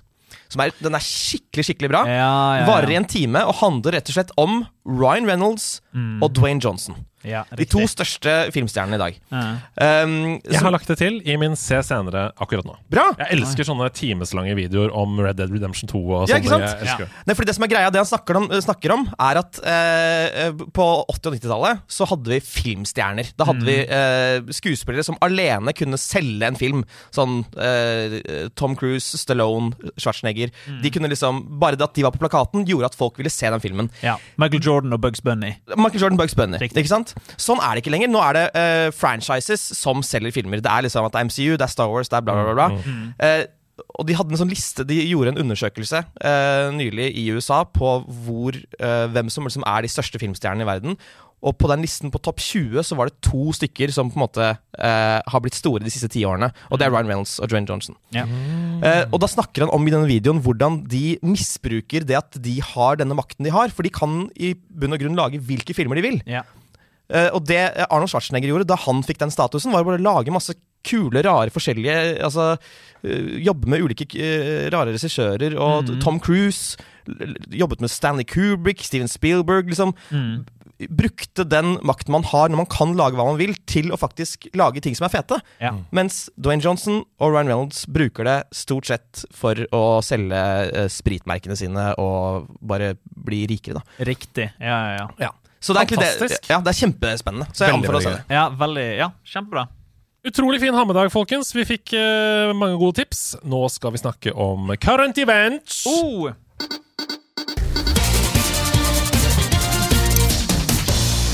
Nei! Hvorfor glemmer jeg at jeg skal være litt tenke på underholdning? Mitt navn er Andreas Hedman, og dette her, det er Nerdenytt. Først en gladsak fra norsk spillpresse. Spilljournalist Mikkjel Lønning i gamer.no var denne uka ute med en bønn til norske spillere, eh, som selvfølgelig inkluderer alle dere som spiller på nerdelandslaget. Hei til dere. Her er saken som ble publisert og sendt rundt i den norske spillbransjen denne uken. Gamer.no skriver for lite om det som er aller mest viktig for oss, og det er deg, kjære leser. Vi vil veldig gjerne fortelle historiene til norske spillere, men trenger hjelp fra dykk for å finne de engasjerende sakene. Først og fremst er vi ute etter tips til saker om nordmenn som spiller. Kanskje du, eller noen du kjenner. 1. Bruker all fritida på modding. 2. Har dedikert livet til speedrunning. 3. Pusler med å utvikle et eget spill i kjelleren. 4. Har gjort karriere gjennom spill, eller blitt kjent gjennom spilling. 5. Kom gjennom en personlig krise, eksempelvis sykdom, nært dødsfall og lignende ved hjelp av spill, osv., osv., osv. Terskelen skal, terskelen skal være låg for å sende oss en e-post, og det gjør du til tips at gamer.no, eller ved å trykke inn på profilene til enkeltskribenter. Vi kan ikke garantere at det du sender inn blir til ei sak, men vi setter pris på alt vi får. Og dette er jo strålende! Mm. Send inn din historie eller ditt tips til eh, tips at gamer.no. da. Jeg tenker at det kan være hva- hva som helst, det. For at vi skal få en levende spillpresse som føles nærmere oss, og ikke bare på en måte, litt sånn som jeg Beklager, shots fired, gamereactor.no gjør, nemlig å oversette utenlandske nyhetssaker Ja. og publisere det. Jep. Mm. For at det skal føles mer relevant for oss som nordmenn, så må gamer.no få hjelp. 100 ja. Hva ville du ha sendt inn, Steffen? Eh, som ditt tips til tips at gamer.no? Mitt tips det er vel det Altså, hvis typ sånn der hva, Visste dere at Mario kan trippelhopp? Å ja. Ikke visste dere at det fins en eh, som har en ganske stor samling av fysiske horrorspill, eh, som heter Steffen Lund?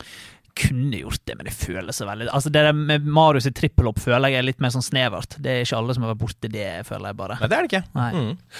Nei, men eh, er ikke det fint, da? Det er Jo, kjempegøy. kjempebra. at de gjør det. Ja. Vi skal ut av landet, vi. Eh, Og aller først så må vi ta det som soleklart troner øverst på listen over de mest populære spillnyhetssakene på Reddit denne uka. Eh, Og det er det som skjedde med Reddit-brukeren Tr Tridel24. Eller Tridel. Eller Tridel. Han er fransk, så jeg sier Tridel. Ja. Franskmannen koste seg med Assassin's Creed Odyssey. Skulle bare gå til verdenskartet, trykke på den Mhm. midttasten Ja. på kontrollen, men ble stoppet av en fullskjermannonse for et salg på Assassin's Creed Mirage. Seriøst? Som han måtte fysisk klikke seg forbi Ja. før han fikk lov til å komme til kartet. Det var helt eh, Det er helt krise, det. Dette er altså en tvungen reklame inni in game-menyene i et Triple A-spill du allerede har betalt eh, masse for. Ja.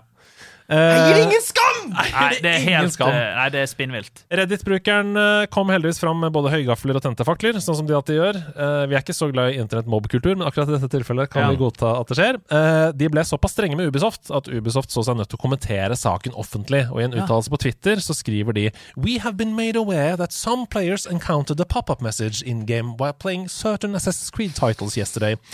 This was the result of a technical error that has now been fixed. Skal de begynne å lyve nå? Our intention Our intention was to display a promotion for Assassin's Creed Mirage in the main menu of other Assassin's Creed games. Unfortunately, this technical error caused the promotion to appear in game menus instead. Dette er blank løgn. Ja ja, det er Ja ja ja. Ja, men det, det er beviselig blank løgn. Folk caller Ubisoft ut for det, for den samme feilen oppsto nemlig i Assassin's Creed Odyssey for fire år siden. Ja, riktig, riktig, riktig. Oh, we forgot to fix the mistake uh, four years ago. Og Juggelmon. Ubisoft de sa nøyaktig det samme den gangen! Ja, I en det- uttalelse! Oh no, this is an error. Oh no, it's in the game. We didn't mean to be in the game. Åh, Ah, det er så gøy hvordan, sånn som når sånne ting skjer. Altså, Hva tror de kommer til å være reaksjonen?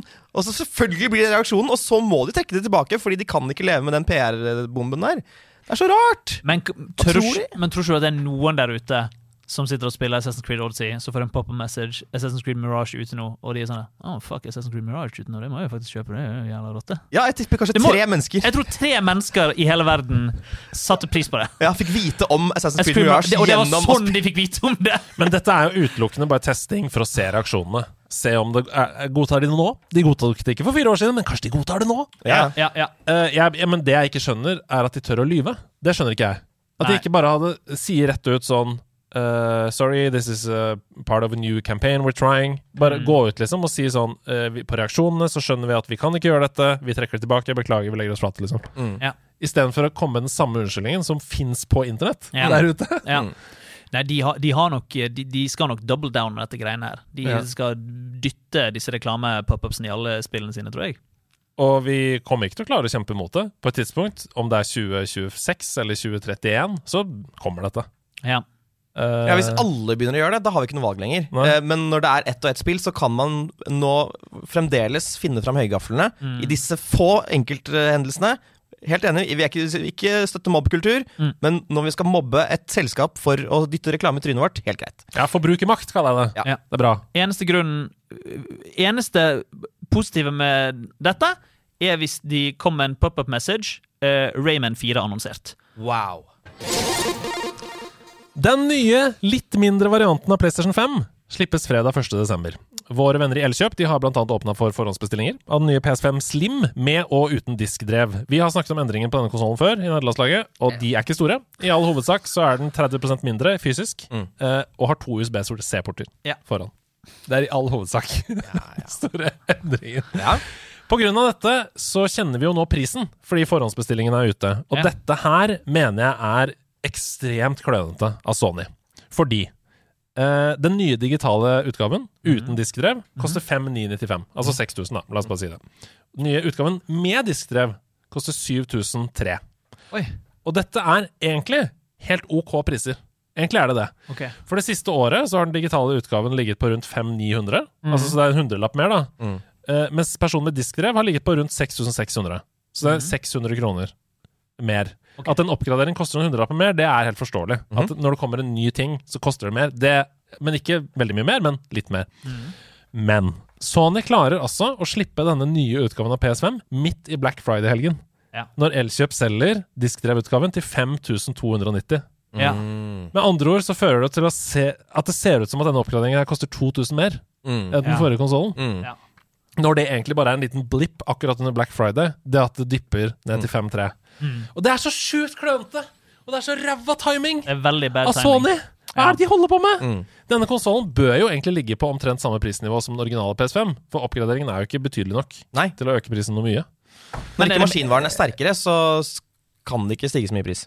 Men er det mer eh, lagringsplass og den greia der? altså de sier Det er 825 giga etter operativsystem på den originale PS5, Ja, og så er det riktig. 1 terra på Ja. denne nye. Mm. OK, skjønner. Det er skjønner, skjønner. marginalt mer. Det er en plass til ett. Det er plass til- En plass til- til- plassbil. Mm. Det er plass til Alan Wake 2 da, Ja, plass til Ellen Wake 2. på toppen. Men skulle ikke dette være sånn at du kunne kjøpe digital utgave, og så litt billigere kunne du kjøpe diskdriven ved Hvis siden du angrer. av, og så- Jo da, Ja, du kan det også. Ja. Eh, du kan Selvfølgelig, kjøpe- det endrer ikke timingen. Jeg bare var nysgjerrig på om det kommer til å endre Nei, du kan det. prisen. 6000, og så koster diskdriven 1800 eller noe på toppen. Så det blir jo til sammen mer enn hvis du bare kjøper diskdrive med en gang. Ja. Right, Mm. skjønner. Men uansett, Ja. altså poenget mitt er at hvis de hadde vært litt flinkere med timingen her, og gjort dette før Black Friday, så hadde det ikke blitt noe outrage. Nei. Nå ser det ut som en ubetydelig oppgradering koster 2000 mer enn den forrige. Eh, Ja. K k kløne, Chris? Det, det er Kløne-Chris. Det er absolutt Kløne-Chris som kom på banen. Og Mm. jeg skulle ønske at han ikke gjorde det, men eh, Kløne-Chris eh, has entered eh, the building. Ingen av oss som skal ha denne nye, eller? Eh, nei. På ingen som helst måte. Nei. Eh, Og til alle dere som sitter der ute, nå ser jeg at det originale PS5 begynner å bare fjernes fra markedet. Butikkene tar de vekk. Å og ja, sånn. de kommer til å Collect, det blir collectors item, det. Collectors item, collectors Men enn så lenge, hvis du har muligheten til å kjøpe den eh, originale PS5 til lavere pris, Ja. gjør det. Ja, ja, ja. Men det jeg tror jeg kommer til å kjøpe, som kommer ut eh, 1. desember er PlayStation Portal. Ja, Jeg, så tror, bra! Jeg, jeg tror jeg kommer til å kjøpe det. Da er du den Jeg- eneste i redaksjonen. Det er bra. Absolutt, jeg har tenkt på det. Jeg, eh, det har vært flere situasjoner hvor jeg har tenkt her har det vært digg å ha PlayStation i sengen min. Som jeg kan sitte og spille ja. Vet du hva? Hvis dere hører på PlayStation Norge, gi oss et anmeldereksemplar. Ja. Steffen skal få Oh det. my god, og anmelde for oss. gjerne det. PlayStation Norge, ta kontakt med oss, Gjør det. eh, så får vi anmeldt det på vegne av NL. Ja. Vi skal snakke om noe annet som Steffen er veldig glad i, nemlig Bloober Team. Bloober Team! Fantastisk. Det, det spillstudio Bloober Team eh, er ute nok en gang. Eh, de lager fulls- utrolig middelmådige skrekkspill, og mange av de. Og de står bak remaken av Silent Hill 2. Ja, Vi har lært av deg, Steffen, at eh, Bloober Team er utvikleren av Silent Hill 2 Remake. Det lærte vi på, på Tilt. Ja. Den episoden er publisert live, så hvis dere vil høre mer om Bloober Team, så kan dere høre om det. i denne episoden. Ja, veldig dårlig. Utrolig tøysete. Men Bloober Team har vært oppsiktsvekkende frekke i kjeftamangene Ja. denne uka her, mot utgiver Konami. Og det synes jeg er ganske interessant. Ja.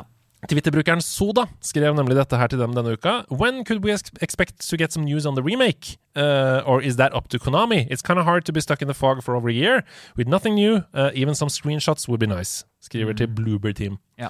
Og så svarer da Bloober Team med sin offisielle konto. Konami is the publisher of the game, and communication is definitely part of their job. Ja. Wow.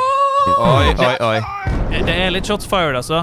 Men eh, d- dette gjorde de jo tidlig i år også, for jeg er jo en av de som hver uke googler information på Silent Hill-ting. De hadde en stor eh, sending i fjor, i oktober i fjor, hvor de annonserte mange Silent Hill-prosjekter.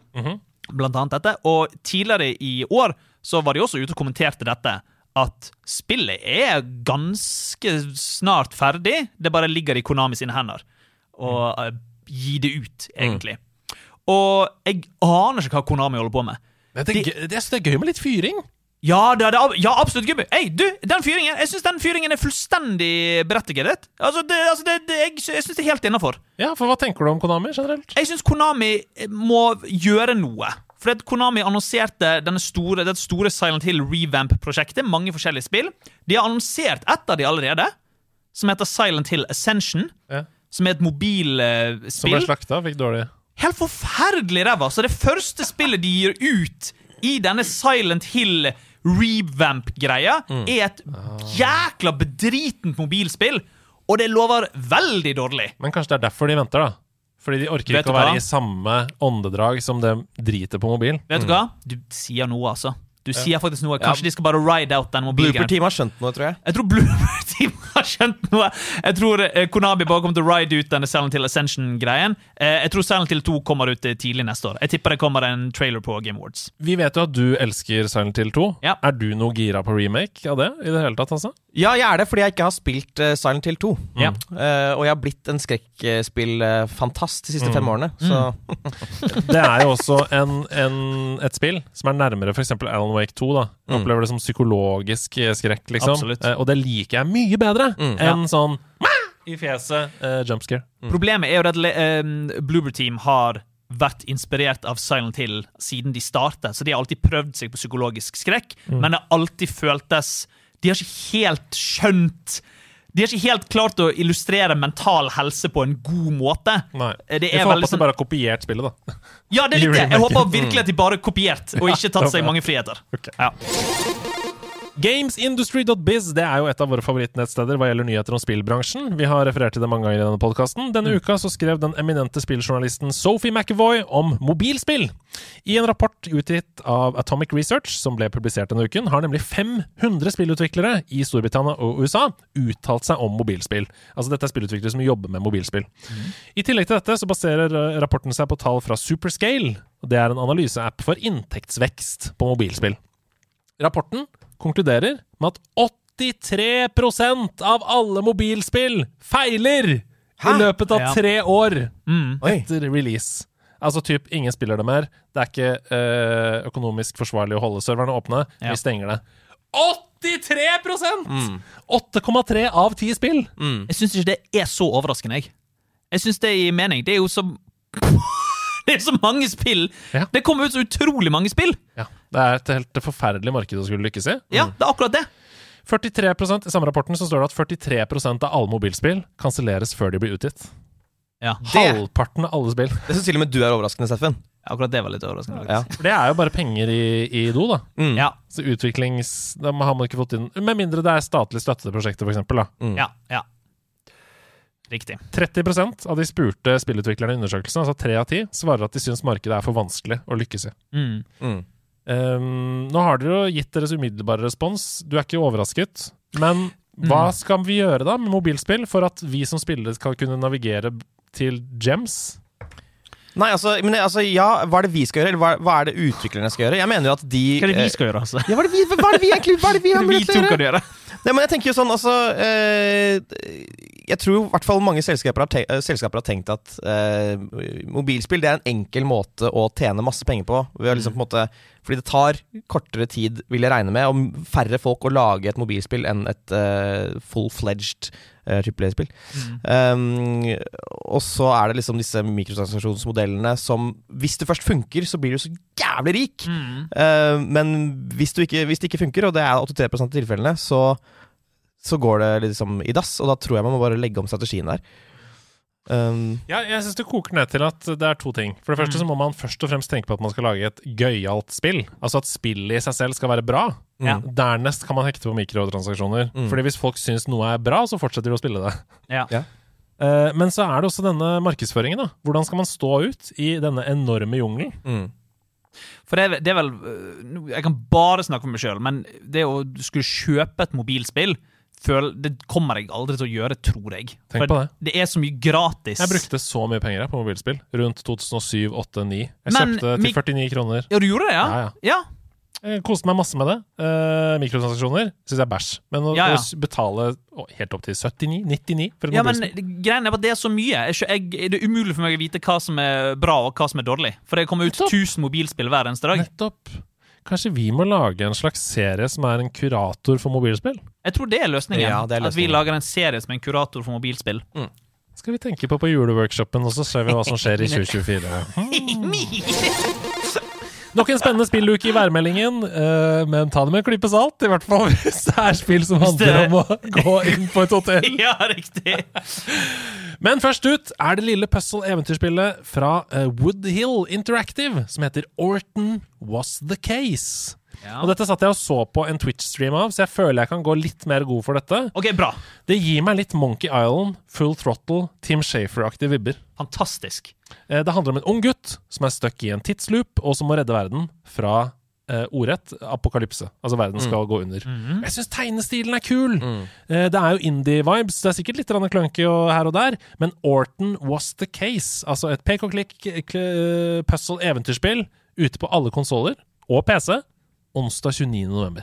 Ser Ja. veldig kult ut. Jeg, jeg kommer nok til å havne i en felle hvor jeg kjøper det med en gang. Nei, du må se. Husk refund-knappen. Husk refund-knappen, og se på YouTube. Ah, da er det på YouTube. Greit, jeg kan se på YouTube.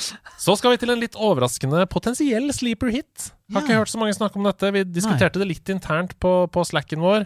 Gangs of Sherwood. Gangs of Sherwood, det stemmer. Vi skal til Robin Hood.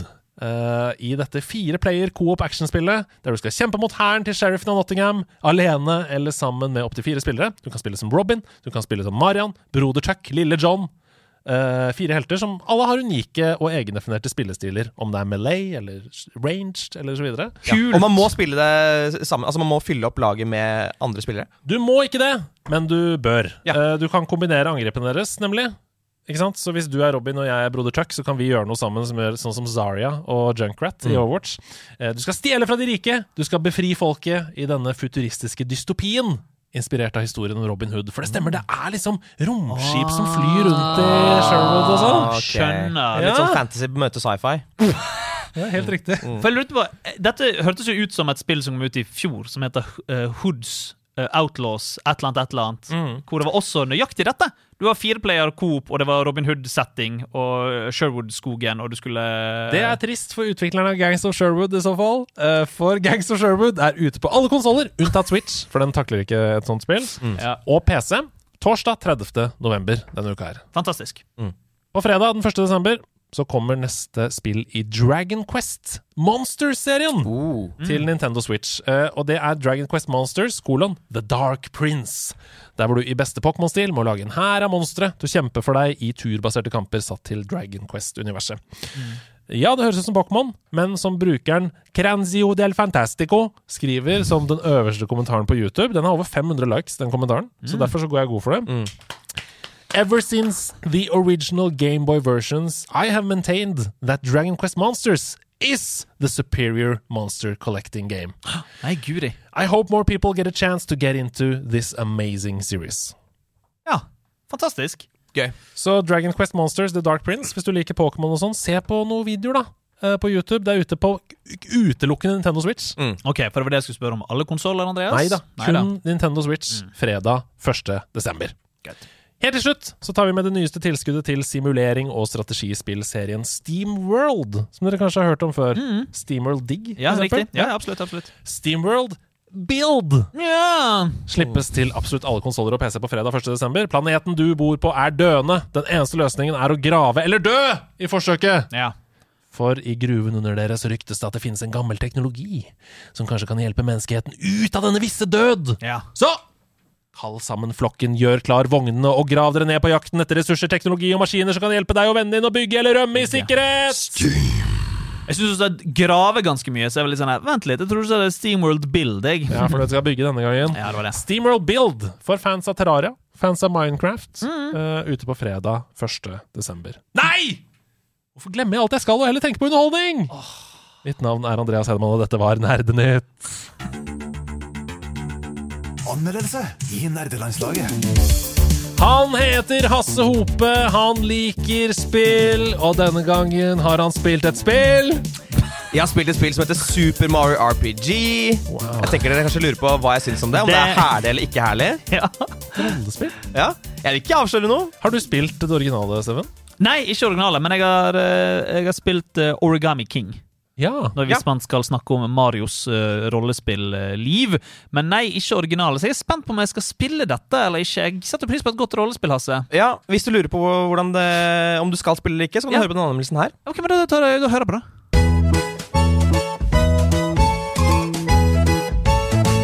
Folkens, dere vet Vario? It's Wario time! Ja, ja, ikke sant? Vel, i dag skal det ikke handle om Vario. Det skal handle om Mario. Altså Vario hvis han ikke gikk på syre. ja, det stemmer. Super Mario-seriens rare lillebror er her, og hei sann hopp sann som jeg har kost meg med det denne uka. Super Mario RPG, som merkelig nok var et samarbeidsprosjekt mellom Nintendo og Square, kom ut i 1996 i Japan og Nord-Amerika. Men det virker som om Nintendo her tenkte Ok, nå har vi laget et Mario-spill til SNES, men også et splitter nytt 3D-Mario-spill til Nintendo 64. Hva skal vi prioritere? Ikke sant? Og så endte de da opp med å ikke slippe spillet i Europa. Og siden eh, 1996 så har spillet gått i glemmeboka eh, for mange, og bare en sjelden gang så har jeg sett et og annet bilde av dette merkelige, isoteriske spillet som ser ut som noe Shigeru Miyamoto lagde mens han gikk på syre. Men sannheten er, dette spillet er rett og slett bestefaren til Paper Mario-spillene, og det handler først og fremst om én ting.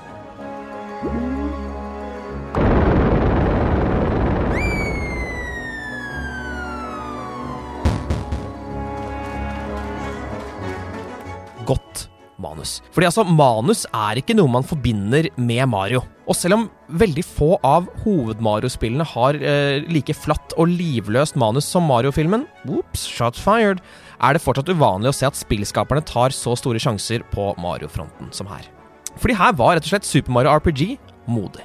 Karakterene man møter i spillet er rare, morsomme, quirky, sarkastiske, og til tider føler man nesten man er i en eh, slags Deadpool-film, så mye som de refererer til at de er i et spill. Historien er uendret fra originalen. Eh, jeg har ikke spilt originalen, det skal sies. Jeg burde kanskje sagt det helt i starten. Eh, men uansett, eh, Mario og hans venner må redde Mushroom Kingdom eh, fra en, en invaderende hær.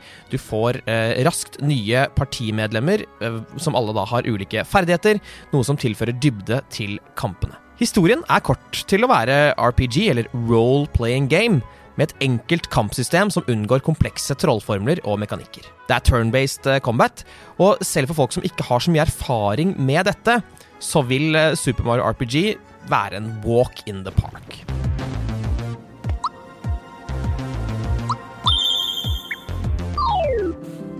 Remaken ser ikke minst eh, det ser bra ut. Spillet har fått et eh, friskt lag med maling, livskvalitetsjusteringer og et nyarrangert lydspor, som selvfølgelig da forbedrer opplevelsen eh, betydelig ut ifra de klippene jeg har sett av originalen.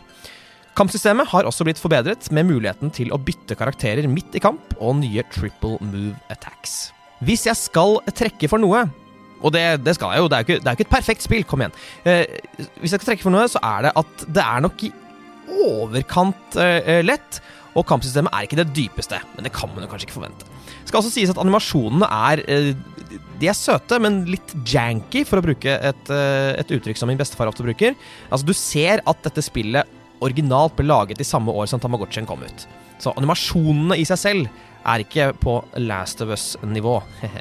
Men ja, det må også nevnes at eh, dette spillet er veldig, veldig søtt. Altså, det er eh, søtt som en liten kosepose. Man blir genuint glad av å spille dette, og selv 27 år etter det kom, så føles det fortsatt som et friskt pust i et veldig gammelt spillfranchise. Men vær varsom. Det kan hende at en skummel drage ved navn Mr. Bowser er å finne, så ikke la ett- eller toåringen spille dette. Mahahaha. Jeg anbefaler Super Mario RPG til så å si alle, og jeg er veldig glad for at jeg allerede i mars meldte meg opp som anmelder for denne i podkasten Nerdelandslaget. Super Mario RPG får 84 av 100.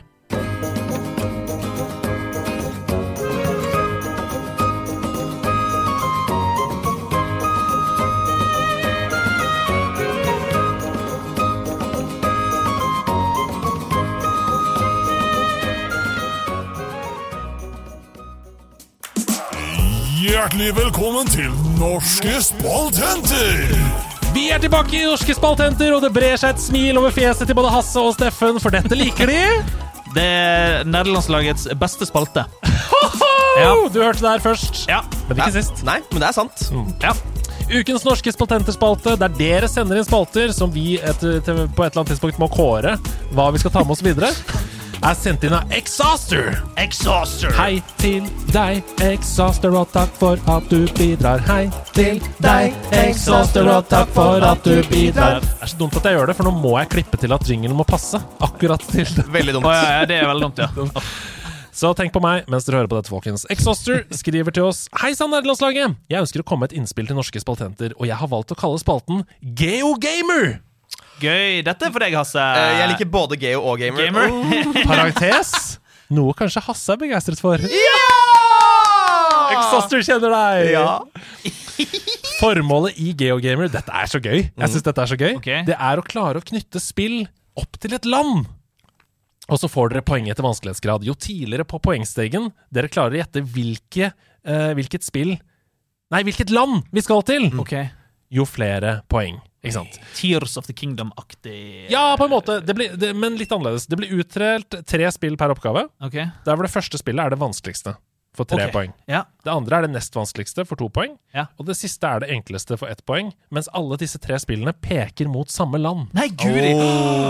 Det er veldig gøy. Ja. Oh, det er veldig gøy. Dette spillet kan være 100 satt i byen eller landet, eller at det er deler av historien eller maps, f.eks. i et online multiplayer-spill, som er satt til landet. Oi, shit. Etter alle tre svarene er lagt fram, skal det uansett være helt tydelig hvilket land dere som spillere skal fram til. Ok.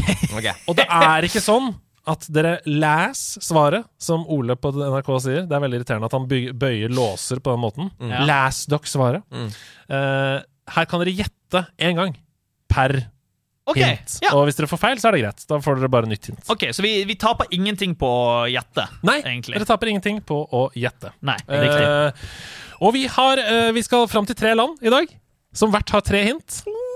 Ok. Og dere må jobbe sammen. Ja, ja, det skal vi. nydelig. Ja, ja, om vi skal. Eller kommer jeg til å sabotere? Nei, ikke denne gangen. ok, den er grei. Og i første eh, oppgave av Geogamer for tre poeng.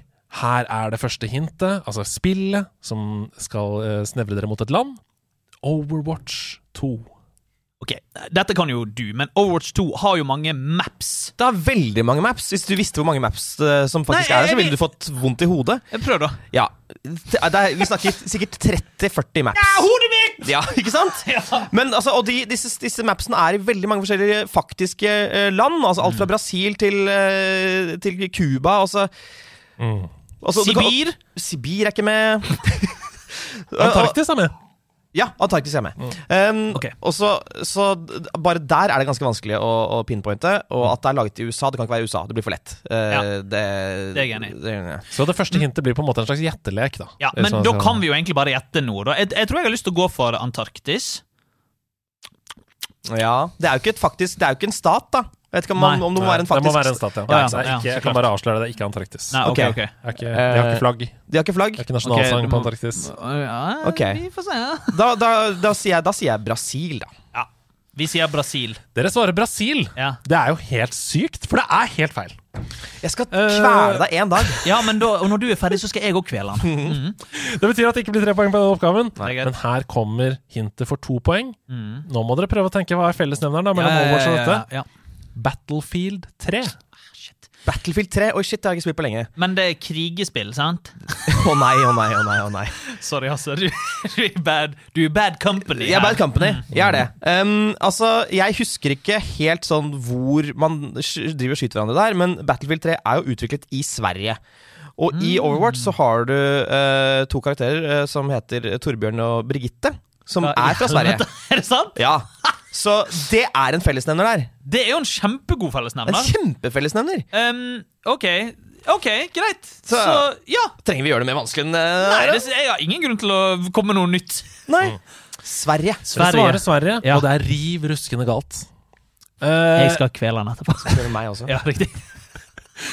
eh, jeg burde nok vært tydeligere på dette. Det handler om settingen i spillene. Så det Ja. handler ikke om utvikler, eller Det, Nei. er, det er settingen i spillene. Men du er enig i at resonnementet til Hasse var bra? Kjempebra! Ja, ja, ja, Det var ja. hyggelig. Det er Absolutt. øverste hylle, altså! Ja, ja, Du, 100%. du briljerer med kunnskap. Greit, men nå vet vi det. Du, det var helt på trynet med For resonnementet. ett poeng! Ja.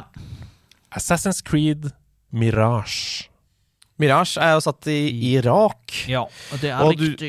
Du har en bane i Overwatch eh, som heter Oasis, som er i Irak. Mhm. Eh, Battlefield 3 det kom jo ut mens USA holdt på nede i Irak, og det var veldig dagsaktuelt. Eh, Kan det være et kart i Battlefield 3 som Du ser på meg, og jeg nikker. Ja, du gjør det. Men det er bra at du må si ifra om det. Ikke sant? Da svarer vi USA. Vi svarer I- Irak. I'm impressed! Helt riktig! Det er Irak som er riktig, og det står her Map og Oasis er satt til Irak. Ja. Battlefield 3 er satt til både Iran og Irak. Så prøvde jeg Ja, det. ja, ja, Og så ja. er det da Bagdad som Assassin's Creed med Bagdad. Lars. Bra, ett poeng! Vi skal til neste oppgave i Geogamer. Har dere det gøy, Å ja, eller? ja, veldig gøy! Ja, kjempegøy! For tre poeng! Pokémon X og Y. Aldri, Aldri spilt! Ok, men eh, hvilket Japan, da? Nei, hvilket sted? Hvor er Pokémon? Pokémon Pokémon X og Y det er jo fantasyland, så det må jo være inspirert av noe eh, Du! Ja, få høre nå. Jeg, jeg er ikke sikker her, Nei. men jeg husker at de siste sånn, tre årene så, ha- så kom det et eh, Pokémon-spill. der Folk var sånn Du, nå syns jeg det begynner å minne litt om liksom, sånn, eh, Eng the, Eng the English countryside. At det liksom, riktig, ja, ja. Nå, nå ser det ut som de, de går ut med sixpence og Nei, det er guri. liksom eh, Viktoriansk, Viktoriansk London. London. Eh, så vet du hva? Er du med på det? At- Ja, at- faen, at jeg det er syns vi bare skal England? prøve. Ja, ja, vi- jeg synes vi prøver, jeg. Da sier vi det. England slash Storbritannia. Ja. you know, the drill. Det er meget godt resonnert, Hasse. Ja. For alle Pokémon-spill er inspirert av en region i den Ja. virkelige verden. Men det er ikke England. Nei. Det er ikke England denne gangen. Er det Du sånn- tenker på Sword and Shield. Ja, det, som ja, du var, tenker på eh, Sword and Shield. Nei, ja. Og, og resonnementet var riktig, det fikk vi vite nå. Ja, Men meget godt. feil svar. For to poeng skal vi til Forza Horizon 2. Force Horizon-spillene er sånn open world-bilspill, sant?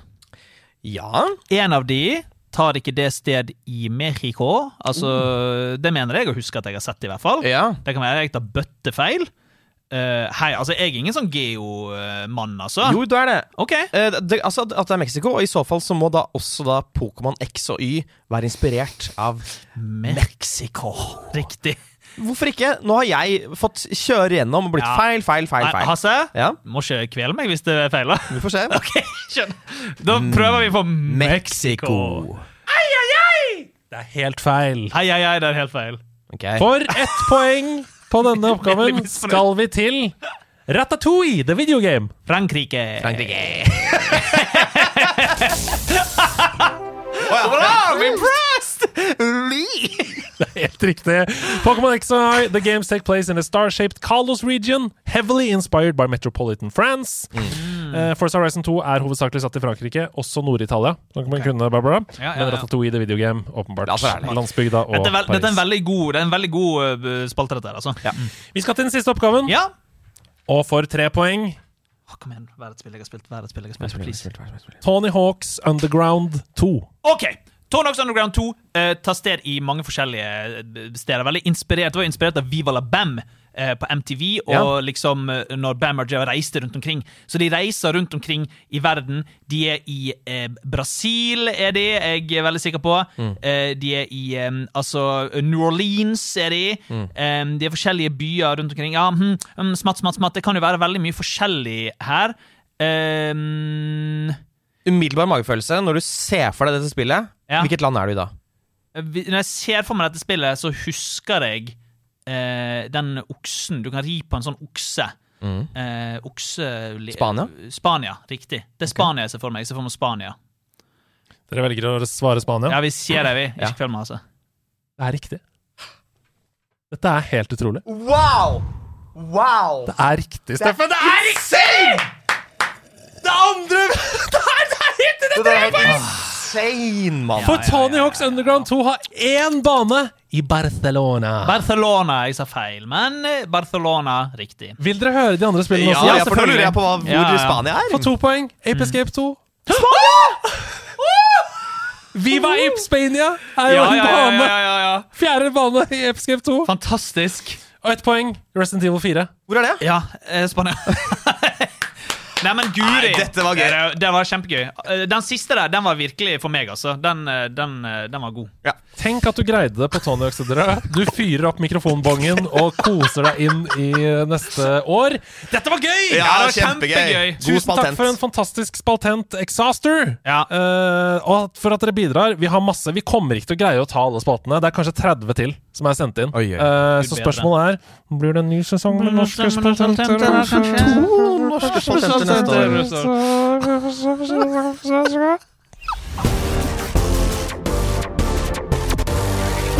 De fire store. Hasse, Ja, jeg gidder ikke å ta noe lang intro. jeg. Du har nei, forberedt fire ting. jeg har det. Eh, Fire store ting går fire ut fra. store, det er fire store eh, ting. Eh, Men ikke sist- fysisk. Ikke fysisk. Ok. Og sist jeg gjorde dette, så, så hadde jeg en veldig sånn der, eh, absurd, eh, fleipete eh, inngang på det. Jeg har tatt det litt mer tilbake Åh, til eh, ok. noe som kunne vært en eh, g- g- game ranks. eh, Å ja, Sånn- vi er i GameRanks-territoriet. ja, Mojo. eh, Sånn, Watchmojo.com. Ja, watchmojo.com. Eh, jeg, har sett, eh, jeg har de fire store eh, Altså eh, spill som hadde grafikk som var forut for sin tid-opplevelser. Veldig bra. Ja, det er veldig bra. Veldig bra. Jeg klapper s- sammen med deg. Ja, Ja. Med stemmen. riktig. Og det, er altså da, og da er det ikke bare det Og det er, på en måte, det er ikke da bare det at spillet hadde veldig god grafikk. Det var sånn at der og da så var det som om eh, d- det hadde, noen hadde tastet en juksekode for å kunne avansere noen år Ja. eh, i det spillet. Mm. Eh, og jeg begynner på fjerdeplass. ja. Wow. Nummer fire.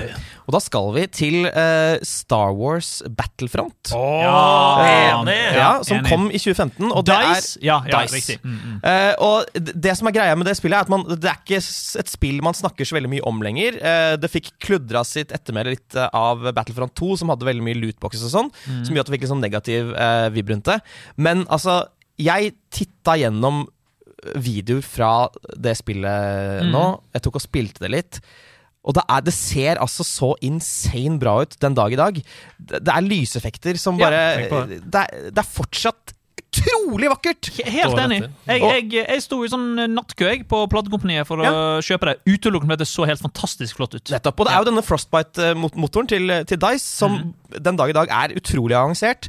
Og ikke minst så så jeg på en dokumentar om det, der du ser at dette, altså, m- måten de gjorde dette på, er at de gikk rundt og tok bilder.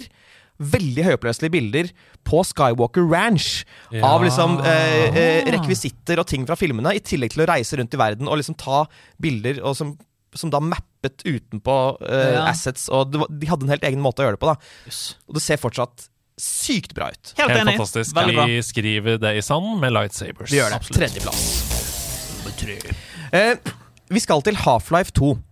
Og jeg synes synd på grafikken til Half-Life 2, og det er fordi når man tenker tilbake eh, på det spillet, så er ikke nødvendigvis grafikken det første man tenker på. Man tenker på den fantastiske historien, eh, manuset, den utrolig ugne settingen, som er noe av det nærmeste vi kommer 1984 eh, i spillform, våpnene.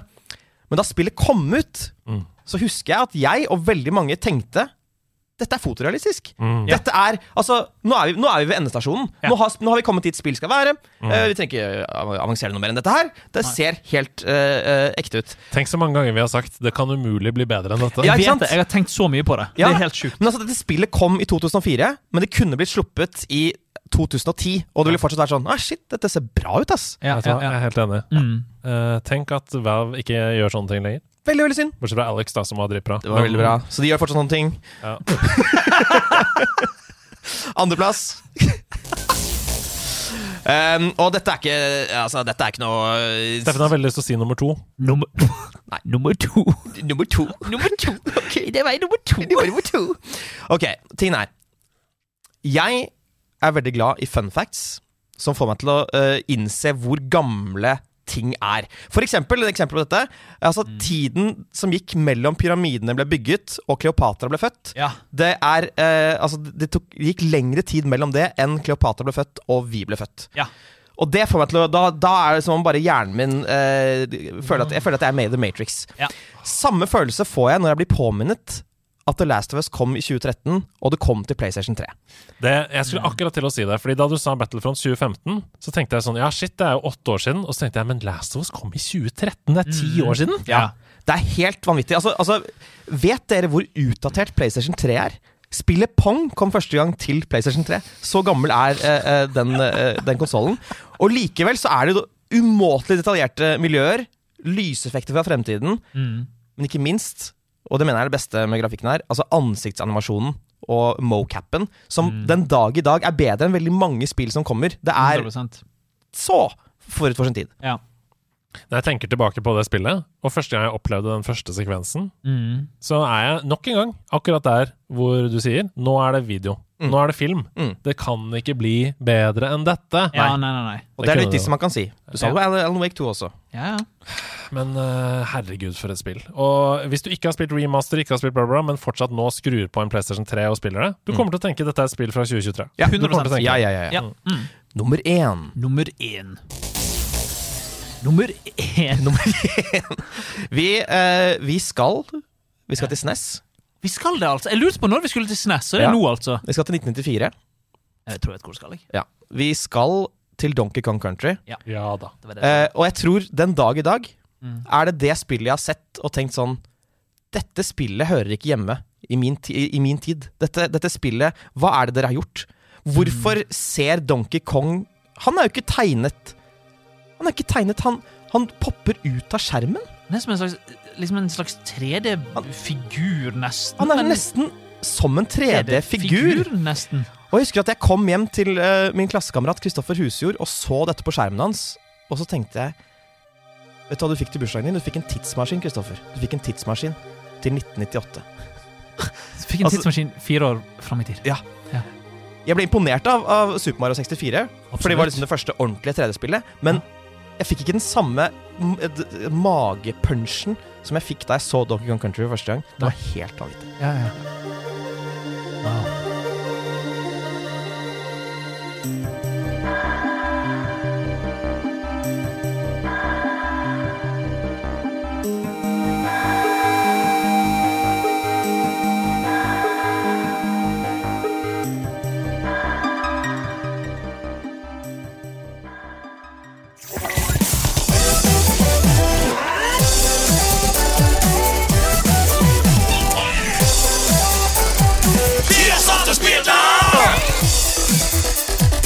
Tenk at en så dum idé kunne bli til noe så pengende! Oi!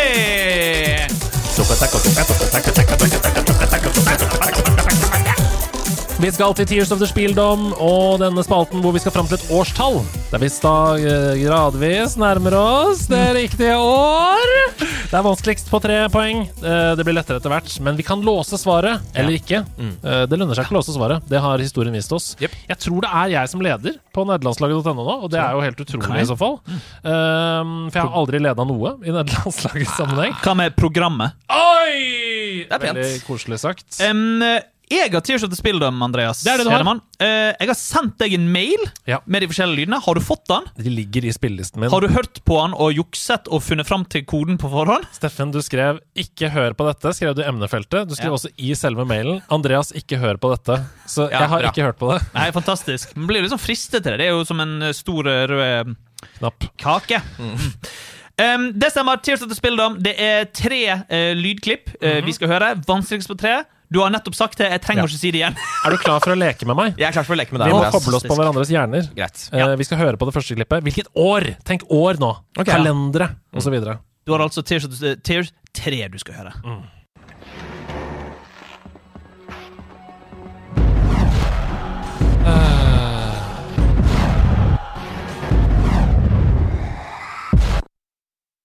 Å ja, det er ferdig, ja! Ja, det er ferdig. Jeg er ferdig. Å ja, det er ferdig, ja! Kan vi høre det en gang til? Ja. ja.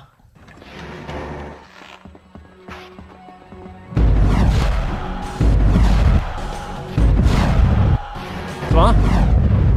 Jeg tror Steffen har klippet til dette.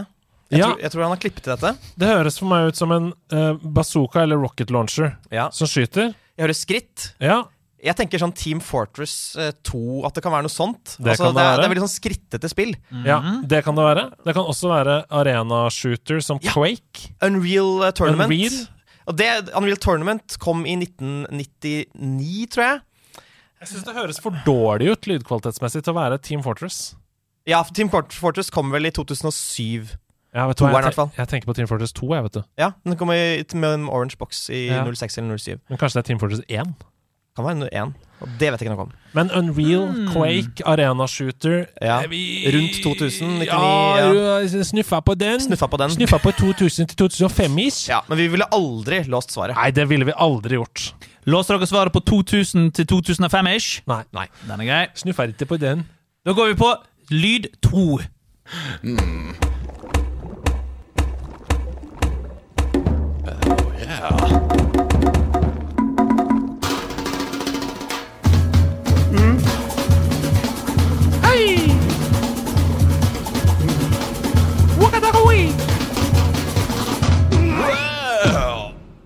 Oh, dude. Oh, I know. Nothing can be done. Hva er det han Har han, har han, har han røyka? Jeg tror dessverre han har fyrt opp sin mikrofonbong Ja. nok en gang. Først tenkte jeg liksom, å, er det Donkey, Donkey Konga Donkey Kong Konga-spill? Og så tenkte jeg sånn, å nei, er dette noe sånn fotball-VM eh, i eh, Brasil-spill? Så jeg tenkte at det plutselig var eh, noe med det Jack Black-spillet. eh, hvor Mm. han er eh, rockemann. Å ja, eh, Rock of Legends eller Nei, The Legend of Nei, nei, hva, hva heter det? Hvor han er, han er eh, nede i mm, Hva er det det heter, da? Det begynner i platesjappa i LA, og så starter det med en eh, Ja, ja, ja. vinylplate, og så kommer han inn i Hva er det det heter? Skal jeg bare si hva det heter? Ja. Brutal Legend. Brutal Legend. Mm. Men det er det jo ikke det, siden han bare sa hva det het. Eller? Eh, Ja, nei ah, eh, dude, eh, men det er mye bedre lydkvalitet. Det var overraskende god lydkvalitet på den der. Ja, det var det. Så du tenker da at det kan ikke være liksom 99-2000? Jo da. eh, Jo da. Jeg, kan- jeg er ikke noe nærmere. Nei, ikke Ikke ærlig. noe nærmere. Nei, jeg er null nærmere. Skal vi da bevege oss inn i lyd nummer tre? Det må vi den gjøre. er sjokkerende lang, så her bare til å gønne på når dere vet svaret. Sa brura. Ja!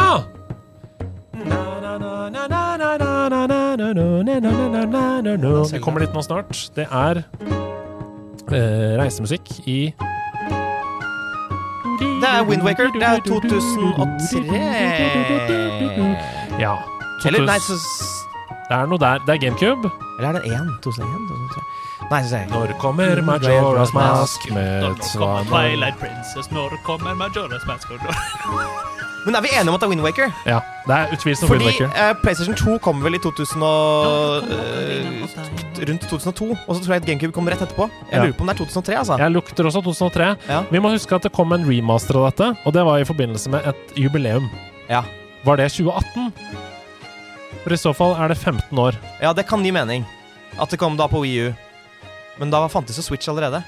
Så det er veldig Ja, rart. Det, Det er kom jo sant. mens Wii U Jeg eh, tenker at, jeg tenker at eh, 2018 er så lenge siden. Det er det ikke i det hele tatt. Nei. Tju- Var det ti år, da? 2013? Kan ha kommet litt, litt ut i GameCubes eh, alder. Altså at det er liksom 2004-2005. For en fin musikk. ja. Nei, vet du hva? Magefølelsen din sa 2003. Er det noe som har vist oss i Tears of the Spieldam tidligere? Stort på magefølelsen. Låser dere svaret til år 2003? Jeg sier 2005, altså. Vi låser svaret til 2005. OK, og vi går gjennom fasit. Det første vi hørte, var en lyd av en, det er en slags rewind-lyd. Bjvom! Å ja. Noe som går tilbake i tid. Ok. Bjvom, bjvom. OK. Kanskje gjentatte ganger, for Ok. du gjør den samme feilen på nytt. og Ok. på nytt. Det er Prince of Persia, The Sands of Time. Ah, Det var lyden av Prinsen som spoler tilbake i tiden. Det andre vi hørte 2003, lukter det 2003? det andre vi hørte, var en av legene som prøver å få den svarte lumen ut av magen til Glowbox i Rayman 3. En av de musikalske legene. Det var trommelegen som tromma på magen til Glowbox. Det du hva? siste vi hørte, Jeg har var aldri spilt Rayman 3. Er det? Jeg har spilt Rayman 1 og 2, jeg har ikke spilt 3. Det går bra, men det er veldig bra. Siste vi hørte, var eh, legen, of, legen til Selda, The Windmaker. Em, året vi skal fram til, mine venner, er dessverre for dere 2003. Nei, din gamle svada! Andreas! Din gamle svada. Ah. Din gamle svada. Hei, dere hadde han jo! Jeg sa stort på magefølelsen din! Jeg vet det. Og så sa Jeg vet det. magefølelsen noe annet. Nei, den, den sa tre, så tenkte jeg Nei, men jeg trodde kanskje at tiårsjubileet Altså at det kommer Og hang til dere opp i 2015 det på der Wii U. Ja, jævla jubileumet. men du tenker vel på det. Men jeg må si én ting, Ja.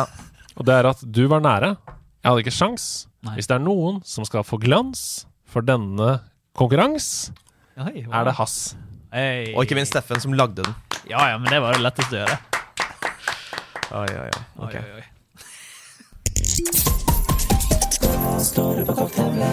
Mange har snakket mye om den nye Zelda-filmen, men ingen har nevnt min største bekymring, sier Adrian. Hmm. Eh, Og grunnen til at jeg søvnløst stirrer opp i taket om natten. I den norske dubben av Super Mario-filmen var det litt rart, eller, med sørlandsdialekt på Mario og Luigi som trønder? Hvilke dialekter kommer karakterene i den norske dubben av Zelda-filmen til å ha? Hva håper dere på? Hva hadde det vært det verst tenkelige utfallet? Det verst tenkelige utfallet. Det verst tenkelige utfallet. Jeg Hmm. liker ikke Zelda. Det er stygt mot de som bor i Toten. Ja, for det blir, det blir sånn eh, d- vondt å si hva som er verst tenkelig utvalget, men jeg kan si hva som er det beste utvalget utfall... Jeg kan si hva som er det beste utfallet, og så kan du vite at det er kødd, og så kan man tolke det som man vil, men det er jo Helge Jordal som link. Det er det beste utfallet. Mia, Verdens eldste stemme. Mia Gundersen som Zelda? Riktig. Stemmer. Eh, eventuelt eh, også eh, Trond Teigen som Hey Listen.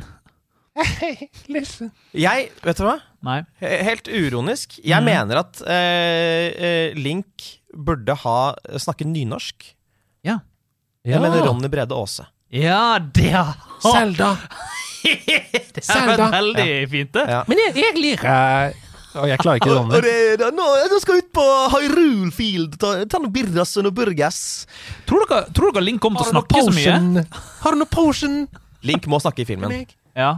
Ja, men han har jo aldri snakket. Nei! Må han snakke? Må han snakke, da? Tror dere, vir- tror dere virkelig at de hadde turt å ikke la han snakke?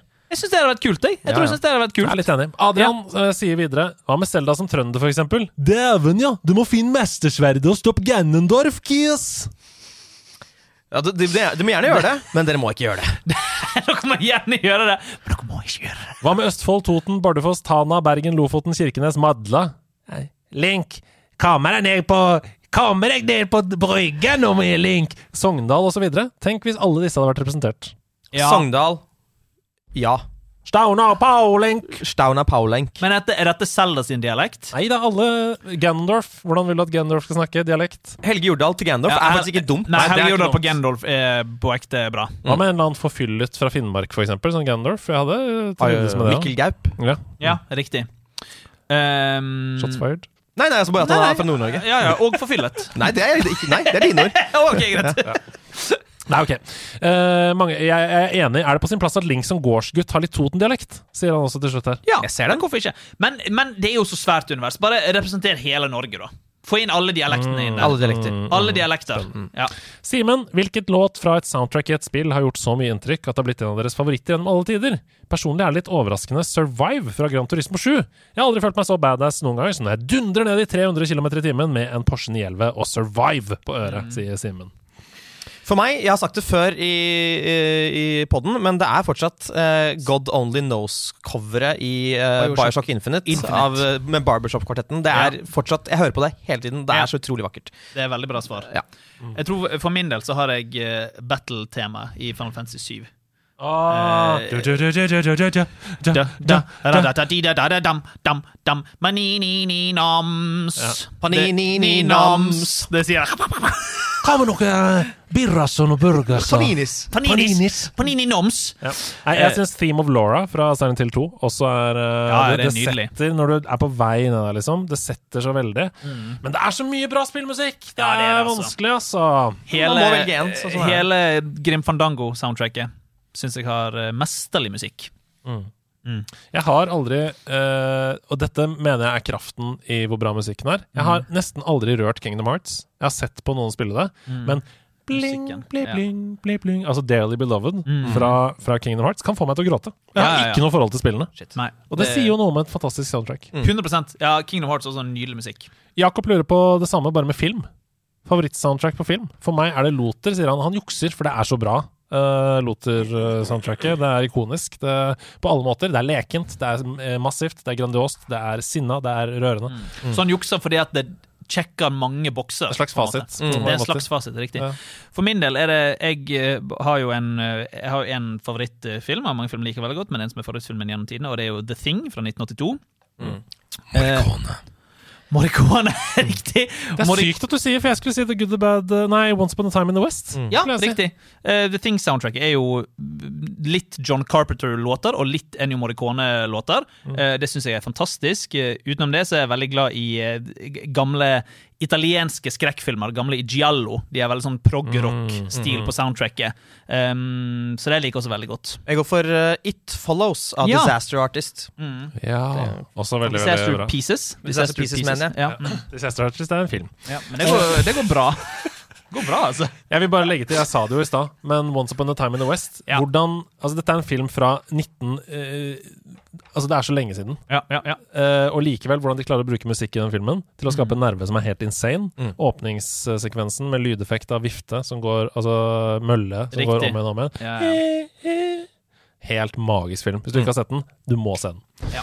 Jeg tror vi gir oss der, jeg. Ja. Vi går videre til Leo Gorima Radado.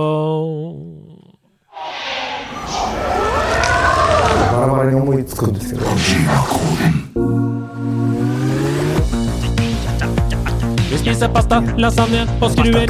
Vi spiser pasta, lasagne og skruer. Vi spiser pasta, lasagne og skruer. Åh, Hideo Kojima han har tatt over min body. Åh. Hideo Kojima han har tatovert min Mario. Ja, vår Hideo Kojima han har tatovert min Mario. Hideo Kojima han har tatovert min Mario. Kojima-san. Vi skal til Steffenland, Kojima-san. Vi skal til Steffenland.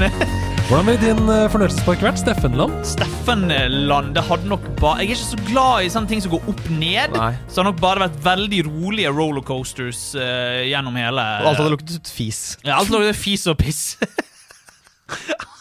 Rolige rollercoasters. Det er et Oslo-band, det. rolige rollercoasters, ja. Absolutt. Mm. Hva er din Kojima-kode? Hva, hva... Skal jeg bare si hva han er med en gang? Eller Nei, skal vi det høre syns på? jeg ikke du skal. Å, det er et lydklipp, Jeg har, et ly- jeg har sendt et lydklipp til deg, min Åh! gode venn. Og eh, nok en gang, Kojima har Wow. entret min body på groteskt vis, og vi trenger ikke å gå inn i detaljer, men han har entret min eh, body offisielt og eh, har lagd en liten eh, lydfil, og vi skal fram til et spill, og vi skal vite hvilket spill skal vi fram til når vi hører dette. Da må vi jobbe sammen, Hasse. Det må dere gjøre. Oi. Interstellar. Hello! Let's go! Yahoo! Yippee! Waha! Yeah! Super 64.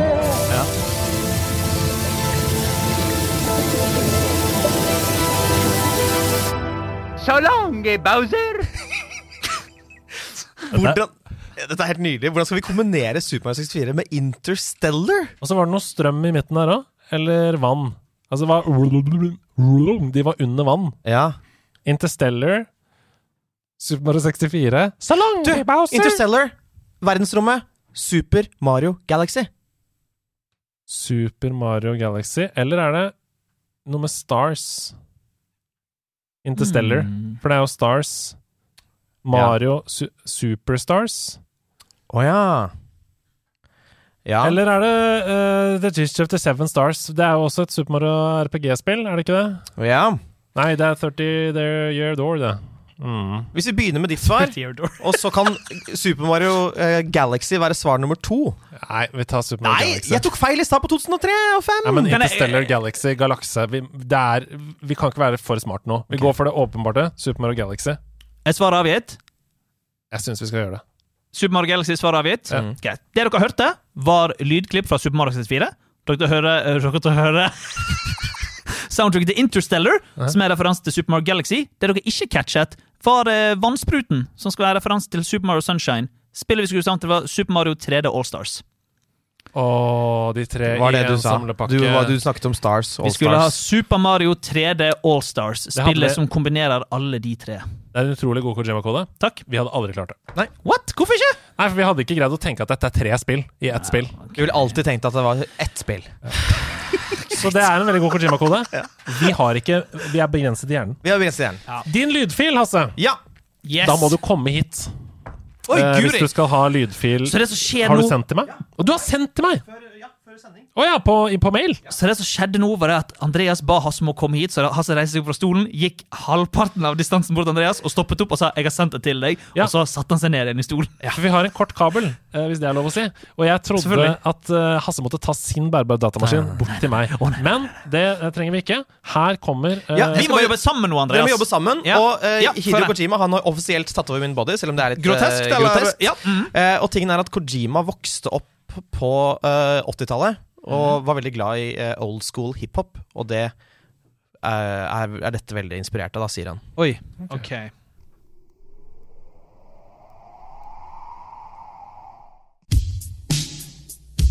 Ja, ja.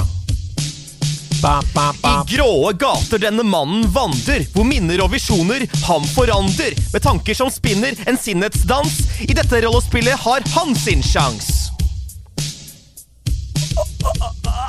En gang til. I gråe gater denne mannen vandrer, hvor minner og visjoner ham forandrer. Med tanker som spinner en sinnetsdans. I dette rollespillet har han sin sjans. Oi. Er det Disco Elysium?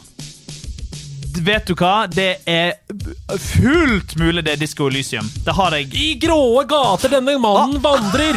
Det sinnet han forandrer. For det gjør du jo i Disco Elysium. Du, du, Og det er jo ganske grå gater. Det er jo mørkt og dystert, det spillet der. og du tenker ut en tanke Ja. som gjør at du åpner opp i RPG-stil. Ja.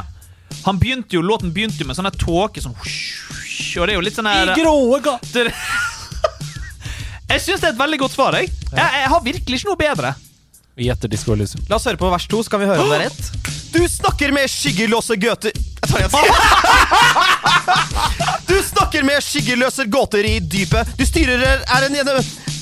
Du snakker med skyggeløse gåter i dypet. Du styrer en som er gjennomalkoholisert type. Med ambiente toner som bakgrunnsmusikk blir du fanget i et spill som gir deg masse latterstikk.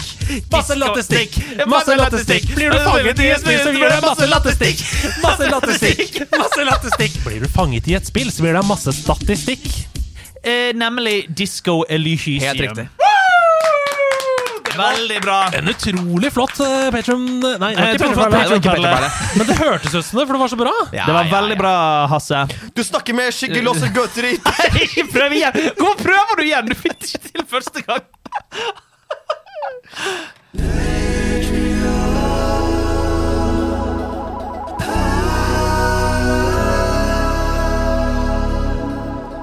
Mine venner, dere er nå herved fanget i en terrorjulefortelling. Å nei, vær så snill.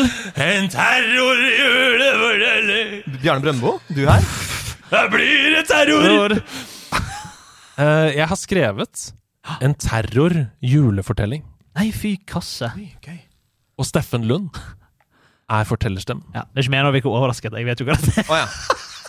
Brøt illusjon der. Jeg vet La ikke. oss bli med inn i den lille juleterrorrammede byen Bergskås.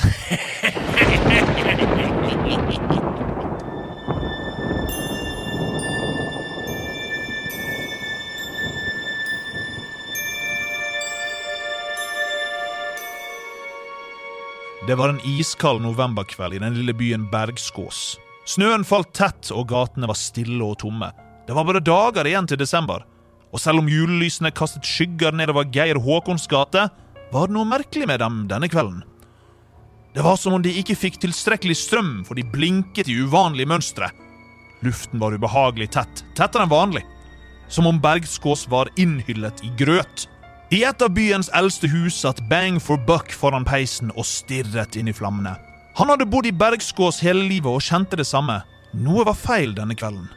Det var som om det var noe i skyggene. Noe som ventet i de dunkle hjørnene av rommene, som fulgte med på han. Halvveis ned i koppen med Twinings Geshin-te gikk det plutselig kaldt nedover ryggen på Bang for Buck. For der, i døråpningen, en knirkete, gjennomtrengende og uhyggelig latter fra en høy og spinkel, svartkledd skikkelse. Da, darling Foe, er det noe galt? Vil, vil du låne Crash Bandicut igjen? Darling Foe hadde revet seg i håret av Stormy Ascent-banen lenge, men det var noe annet han var ute etter den kvelden, med en ond glød i øynene, Du kan ikke unnslippe meg. Bang for buck. sa han og gled unaturlig over gulvet mot stolen Bang for Buck satt i. Bang for Buck forsøkte å reise seg, men det var som alle Bergskås problemer lå som en ballast på brystet hans. Han ble presset ned i stolen av krefter han verken forsto eller så.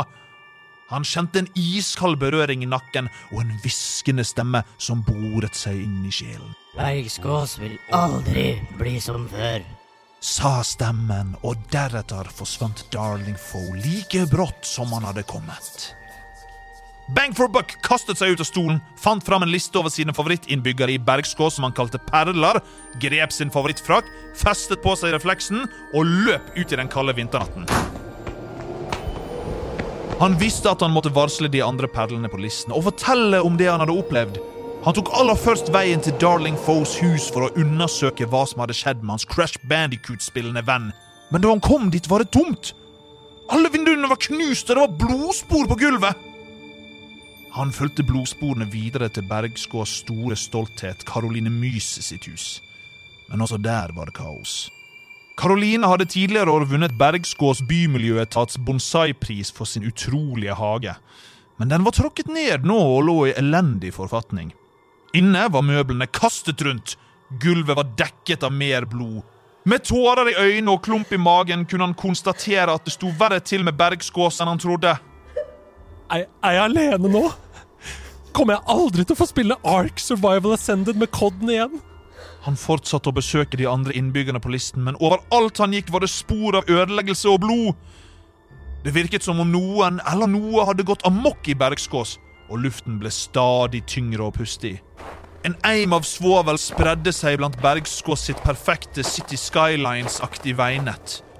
Langt om lenge, hoven i øynene av alle tårene han hadde grått, kom Bang for Buck frem til Erlendias lille engelske hus. Der var alt tilsynelatende helt som normalt. Fra utsiden så han fyr i peisen og Erlendia sittende og spille Twilight Princess i en lenestol. Den lille porten foran han, lyset og snøen som falt, gjorde hele huset parodisk likt huset til Kate Winslet sin Iris-karakter fra filmen The Holiday. Og det fylte hele kroppen hans med adrenalin og håp i så stor grad at han løp opp den hellelagte stien til døra og rev han opp med stor kraft. Erlendia snudde seg brått og forskrekket i stolen Hva, hva skjer? spurte han med frykt i øynene og skjelvende stemme. Bang for Buck kastet seg om halsen på han og forsøkte å forklare alt han hadde sett og opplevd. Men ordene gikk i hverandre og ga lite mening. Akkurat som om han var bestefaren til Johanna i Johannas jul på NRK idet moren hennes skulle føde på Hydro Texaco.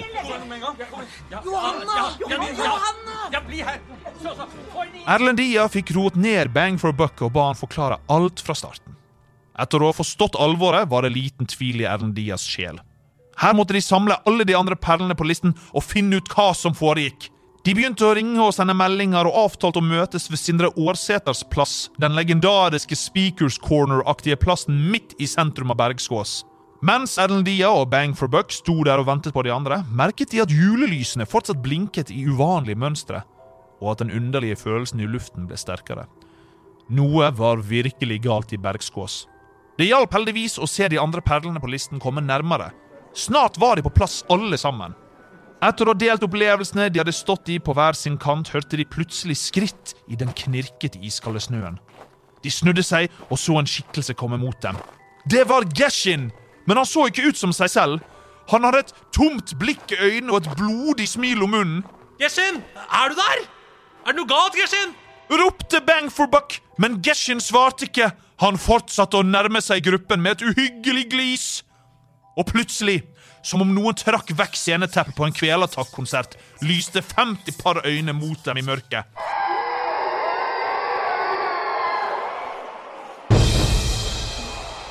Og en hel hær av smilende, ekle bergskåsbeboere begynte å sprinte mot dem.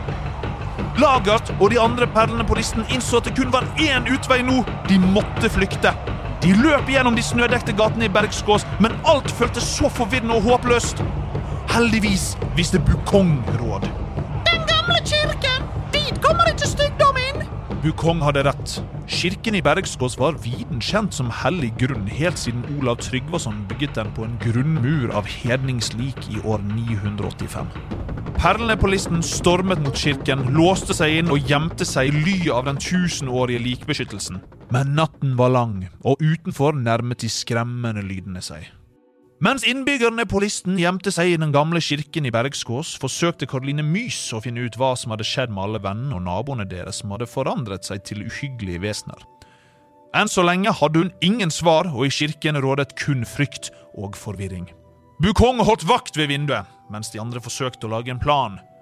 Kodden hadde funnet noen gamle bibler i kirken og bladde gjennom dem, i håp om å finne en måte å fordrive det onde som hadde tatt over byen. Filet var blek og skjelven, og Freda prøvde å trøste henne. Vi må holde sammen og finne en vei ut av dette. Sa Freda med bestemt stemme. Geir Håkon sto ved døren og lyttet etter lyder utenfor. Jesper og Kim diskuterte hvordan de kunne samarbeide for å overleve natten. Christian undersøkte gamle ikoner og symboler i kirken, i håp om å finne noe som kunne hjelpe dem. Lagart var tilsynelatende i dyp meditasjon. Det var kun Lars som så vidt hadde begynt å forstå at de var fanget i en ond julefortelling. Han grep tak i Lucivere og ba henne forsøke å finne informasjon på internett ved hjelp av sin hemmeligstemplede laptop og sine lugubre nettverk, men uten hell. Mats og Markolio hadde funnet noen stearinlys og laget en improvisert vaktplan. Martin forsøkte å lage en beskyttende sirkel ved hjelp av salt og kritt. Monkey og Pokerfreak diskuterte mulige rømningsveier, mens Rune og Simon gransket gamle manuskripter i kirken. De gjorde sitt beste, men ingen av forberedelsene kunne ha forberedt dem på det som skulle skje bare timer senere. Sondre var den første som hørte skritt utenfor kirken. Han hvisket et varsel til de andre, og de ble stille. Stian satt med en gammel bok i hendene og brøt stillheten ved å begynne å lese høyt fra den.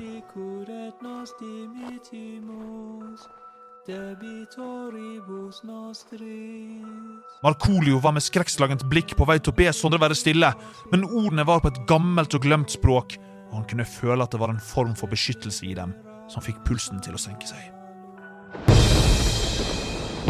Plutselig gikk alt fra null til 100 på sekunder. De hørte et dødsskrik utenfor kirken, som om noen rev ut ryggraden på et uskyldig offer i ren Mortal Kombat-stil, og gjennom glassmaleriene kunne de se skikkelser som beveget seg i mørket. Der var de, hele hæren av de forvandlede naboene og vennene deres. De kastet seg mot vinduene og veggene, så det ristet i mursteinene og singlet i knust glass. Ondskapen kom i bølger som om Bergskås var midt i Bloons Tower Defense, og panikken begynte å bre seg blant perlene. Men ut av skyggene, med rak rygg, lyste han mot dem da de trengte det som mest. The Awesome Bill. Han tok lederrollen som han ikke hadde gjort noe annet. Hoppet opp en kirkebenk og ropte mot forsamlingen. De vil synge om denne natten i århundrer, venner. Natten da Bergskås forble vår. Vår Theolingas! The Awesome Bill grep tak i en gammel kniv fra alteret og løp mot de tunge kirkedørene. Tiden sto stille i den gamle kirken i Bergskås. Perlene hadde funnet motet sitt, og selv om de forsto at dette ville bli deres nederlag, at det var håpløst å tro de kunne drepe det som ikke kunne dø, samlet de seg bak The Awesome Bill og stormet mot dørene i flokk. Kampen mellom det onde og de overlevende innbyggerne i Bergskås var i gang. Og akkurat da, kun sekunder før kirkedørene brast og alt håp var ute, skar et rop gjennom luften som en kniv i natten. Umiddelbart var det som en usynlig kraft slo ned i de onde vesenene som truet dem. Og med enorme brak, lyn som lyste opp natten og laget omriss og silhuetter av ondskap på de glassmalte kirkevinduene, kastet Våre helter seg mot steinhellene i kirken og ropte fortvilet om hjelp med de besvergelsene de kunne. I løpet av få sekunder, som føltes som en livstid, forandret natten karakter fra inferno til komplett stillhet. Forskrekket og fortumlet kom de sakte, men sikkert til seg sjøl og stirret ut av vinduene for å se hva som hadde skjedd. Og der, alene i mørket, satt han. Midt i et pentagram av hodeskaller og beinrester gravd opp fra de tre utvalgte gravene satt toer, Bergskås frelser. I ly av mørket og natten hadde han funnet en eldgammel amulett i en av kirkens skuffer. En amulett som ikke bare hadde en beskyttende kraft, men som også hadde innskrevet besvergelsen på baksiden. Wahigili. Med den i hånden hadde han modig drevet ondskapen tilbake dit den kom fra. Trond løp i tårer bort til toer, kastet seg om halsen på han og takket ham for hans handlekraft. Bang for buck tok ordet og sa Vi kan ikke bli i Bergskås lenger. Vi vet ikke hvor lenge toers besvergelser holder. Denne byen her, den er for alltid fortapt for oss. De var familie nå, disse perlene. Og enstemmig var avgjørelsen om å forlate Bergskås for alltid. De samlet alle forsyningene de kunne finne i kirken, inkludert amuletten, og snek seg ut i den mørke natten. Byen Bergskås lå øde tilbake bak dem. Mens de vandret gjennom den iskalde natten, kunne de fortsatt høre ekkoene av det onde. Om det var innbilling eller reelt, var det ingen av dem som visste lenger. Det eneste de visste, var at de hadde hverandre og toers beskyttende wahigili-amulett. Og det var nok til å tenne et håp. Et håp om å finne veien tilbake til trygghet langt, langt borte fra Bergskås.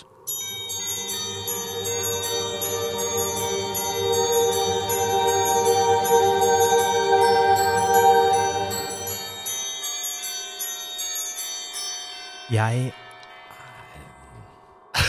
Du er Jeg kan ikke si noe. Det der, det der.